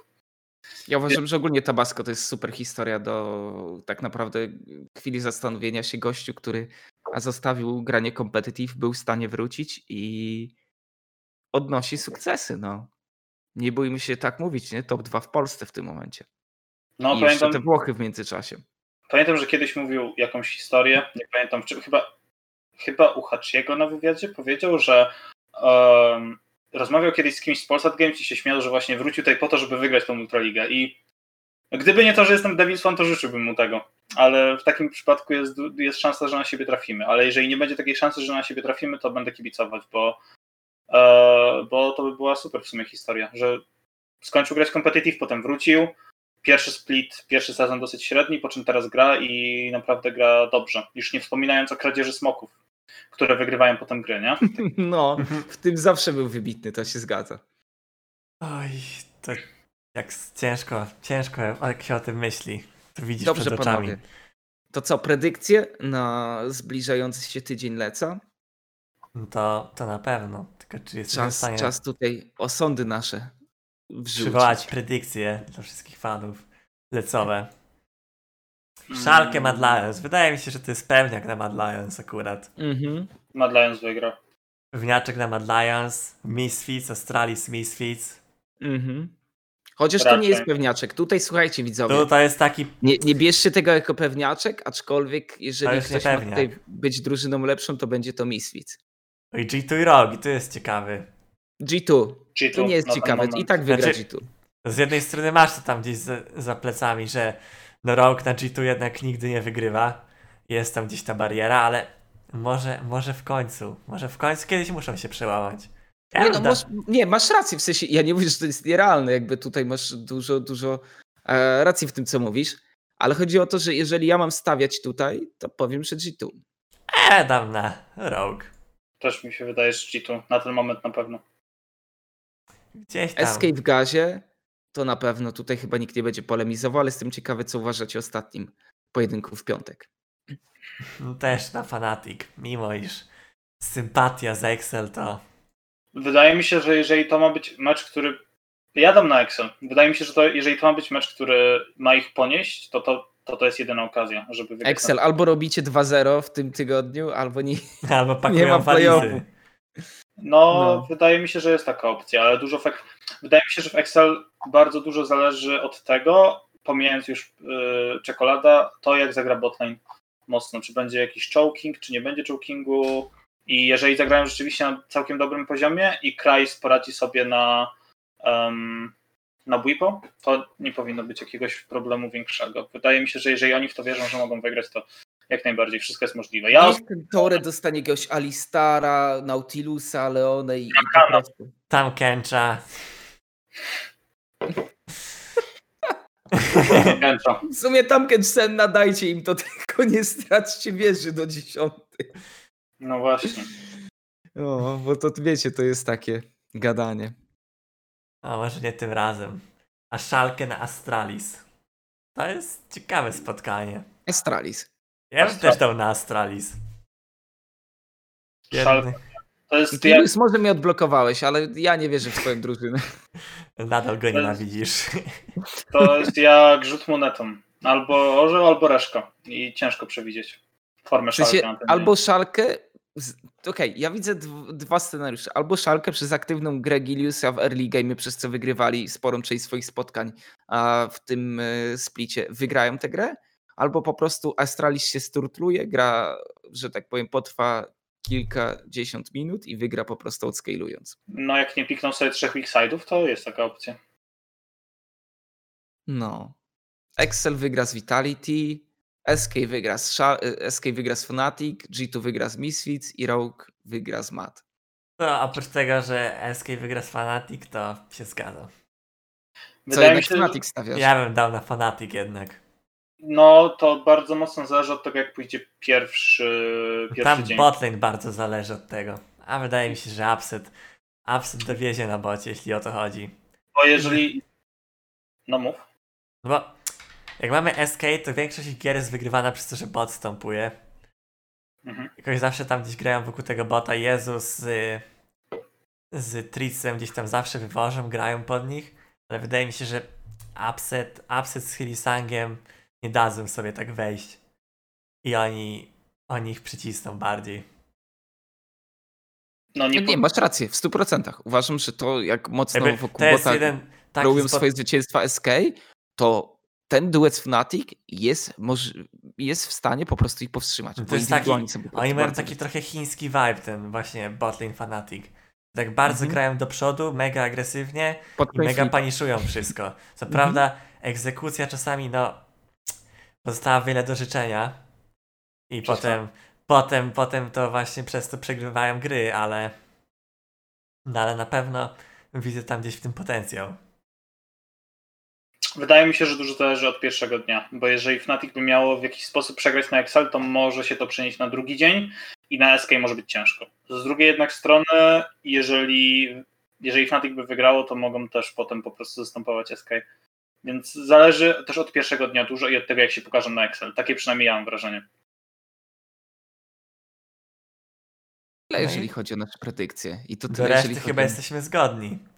No tak, tak no, mi się wydaje. Tak, raczej nie ma tutaj niespodzianki. Nie no i świetnie, panowie. No jeszcze raz zapomniałeś o paru tematach, które mieliśmy poruszyć. O bez kitu, ja chciałem kończyć, a my przecież mamy dwa tematy kluczowe. Twoje, Wojteczku, bo ich nie dopisałeś chyba. No nie dopisałem, bo nie dałeś mi prawa do edycji. A, przepraszam. Dobra. MSI na Reykjaviku. Ale to tak bardziej informacyjnie. I w Reykjaviku, a tam gdzieś jakieś dymy z wulkanem coś słyszałem dzisiaj. Ale to jest Five Head Root, bo oczywiście wiecie, tam jest bardzo mało zakażeń, bardzo mała populacja, jeżeli chodzi o ludność i to sprawia, że można robić eventy międzynarodowe. To jest super pomysł, brawo Riot. No i też mega ładne miejsce. No nie ukrywam, Nowa że Zelandia, przepraszam żubróweczka, dobrze, z geografii nigdy nie byłem wybitny. Powiedziałeś Nowa Zelandia? Powiedziałem. O kurde, to Islandia. Isla właśnie, Islandia. Powiedziałem Islandia. Zobaczymy, zobaczymy jak to będzie wyglądać, czy będzie... To czekaj, ten... to kto mnie to... Nie, dobrze powiedziałem. No Reykjavik, Islandia. No. No. Kurde, no. to dobrze powiedziałem, to co ty do mnie mówisz? Nie. A, przecież ja myślałem, że... Dobra. Ja się dałem zbyt na co napisał, że ty źle powiedziałeś. Tak. Ja myślę... Dobra, never mind. Dobra, Islandia. nieważne. Ale no. Pytanie, ciekawe, czy będzie dostęp do publiczności, jak to będzie wyglądać. Czy nie wiem. Może nie będzie, nie będzie, wydaje mi się. Ale może jakiś tam, tak... wiesz, press invite czy coś, że już będzie jakaś tam jakiś coverage, może byśmy. No tak, wydaje mi się, coś że. Coś tam zakręcili i się wkręcili. Tworzą jakieś takie podstawy tej publiczności. No właśnie, dziennikarze z Polski, Options Podcast, zaproście nas tam, zrobimy super relacje. Zrobimy super relacje, nagramy co trzeba. Wojtek, zrobisz wywiady po angielsku z y, pro, prozawodnikami? Jakąś tam gadkę Ej, rzucisz? Ja, ja mogę zrobić, ja kończę dziennikarstwo studiować. Jeszcze. Zawsze, zawsze możecie mnie wysłać, nie żartuję. Dobra, to ty będziesz mówił, ja będę tłumaczył, ok? Bo ja jestem profesjonalnym tłumaczem. Dobrze, zrobimy. Bartosz niech robi wywiady? No, w sumie. Ale to chyba jakieś takie wywiady nieoficjalne na backstage'u. po paru sokach. Ale to, to może być taki moment przełomowy, bo fajnie, że zrobili takiego, bo rzeczywiście dzięki temu ludzie mogą zacząć patrzeć, że o, da się robić jeszcze eventy w czasach koronawirusa i, i to jest uważam taki fajny krok na pewno i dobry, dobry ruch ze strony Riotu. Mhm. Pewno fajnie to wygląda, że Islandia, fajna miejscowa, Fajnie też tam przy prezentacji pokazali tą Islandię. Na zobaczymy, jak to się skończy. Kto tam pójdzie, kto wygra. Jakieś predykcje może, kto by wygrał. MSI, takie wczesne. Chiny. No, Jaka Chiny, drużyna z ale- Chin, Ryan? Nie wiem, nie oglądam Chin. Edward Gaming. Serio. Naprawdę nie oglądam w tym sezonie Chin. No. A co jeżeli G2 wygra? Jest to możliwe. Jest to jak najbardziej możliwe. Wydaje mi się, że G2 za wcześnie na MSI dla nich, ale nie widzę przeciwwskazań, żeby nie zaskoczył. Jakiś rok, żeby nie zaskoczył. Może. Jest, jest to możliwe, naprawdę. W końcu. No, Ja po pie- prostu gadałem z kimś dzisiaj. W sumie wiem z kim, ale to, to nie ma znaczenia tak w zasadzie dla tej historii. Powiedziałem, że ja nie czuję tego vibe'u, który miałem w 2019 odnośnie G2. Uważam, że to nie jest ta drużyna, która wygra Worldsy. Może się mylę. Fajniej by było, gdybym się mylił, ale ja po prostu Mhm. uważam, że, że to nie jest to samo, nie? Że mieliśmy tą szansę w 2019 i chyba musi się sformować kolejny super team, żebyśmy myśleli o zwycięstwie Worldsów czy też MSI. No, tylko że jeżeli G2 takie nie jest super teamem, to co będzie? No w końcu masz Herkulesa, Kapsa, Jankosa, Wundera i Mikiego. No ciężko znaleźć cokolwiek lepszego na ten moment w Europie. Więc wydaje mi się, że jeżeli chodzi o ten sezon, to G2 jest taką jedyną nadzieją, jeżeli chodzi o By far najlepsza drużyna w, No. w Europie. Zobaczymy, czy do, dojdę jeszcze do poziomu G2 2.19. No ja mam nadzieję, że tak. Gdzieś to widzę. No jeszcze wiadomo, nie ma takiego vibe'u, że to jest drużyna nie wiem, nie do pokonania, jakiej nigdy nie widzieliśmy. Ale na Mhm. pewno jest tam potencjał, gdzieś tendencja wzrostowa. No i gdzieś tam przed MSI też G2 wtedy w 2.19 nie było chyba aż takiego wow. O, to jakaś Bo, Znaczy, możecie mieć rację, no ja po prostu teraz jednak- tak na to patrzę.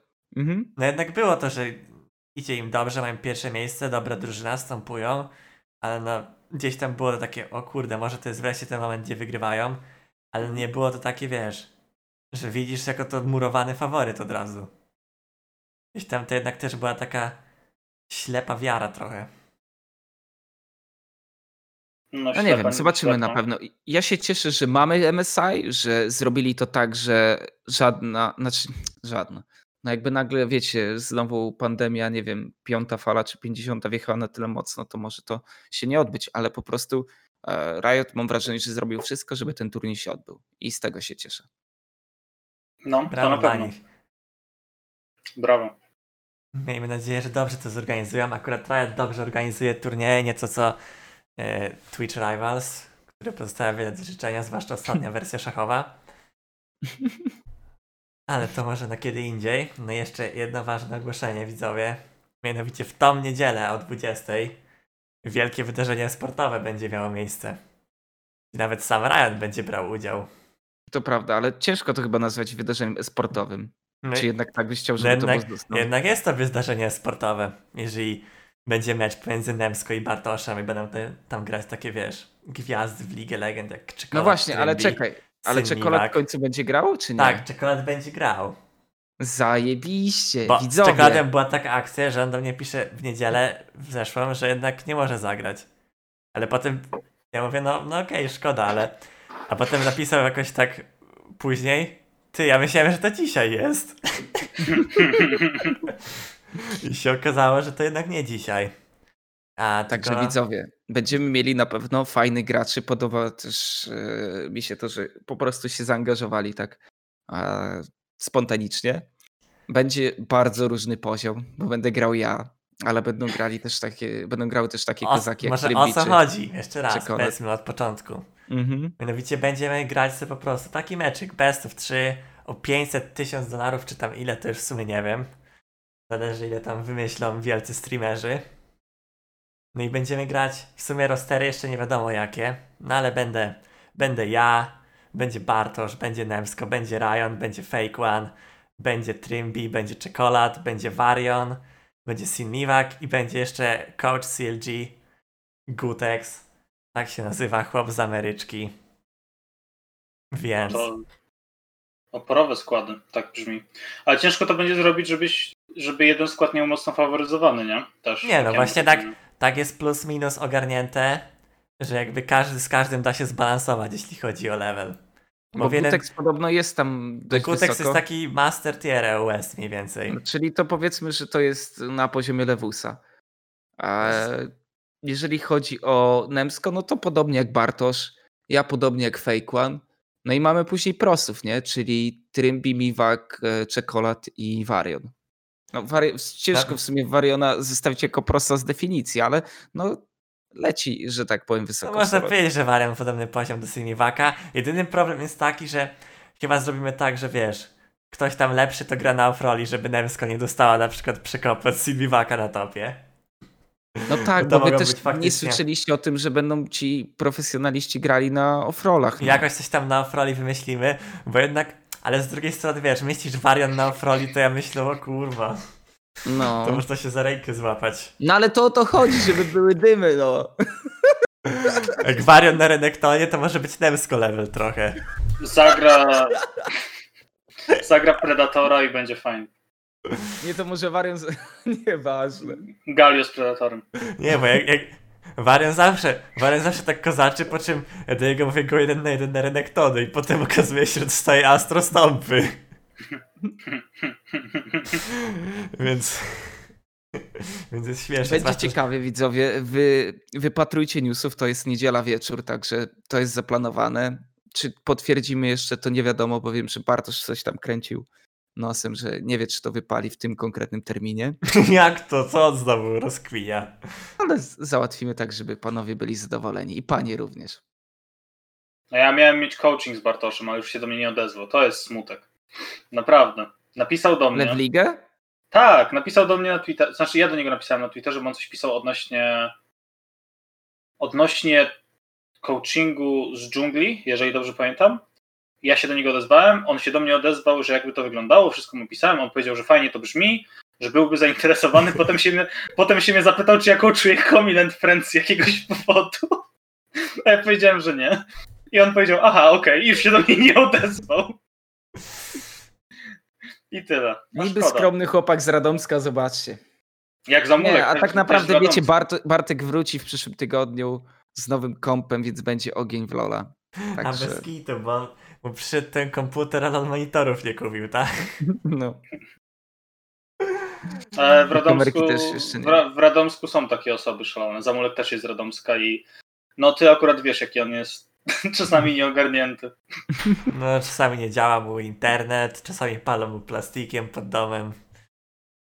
Sam Co pewno- Zamulkowi? No, plastikiem pod domem mu palą i nie może oddychać.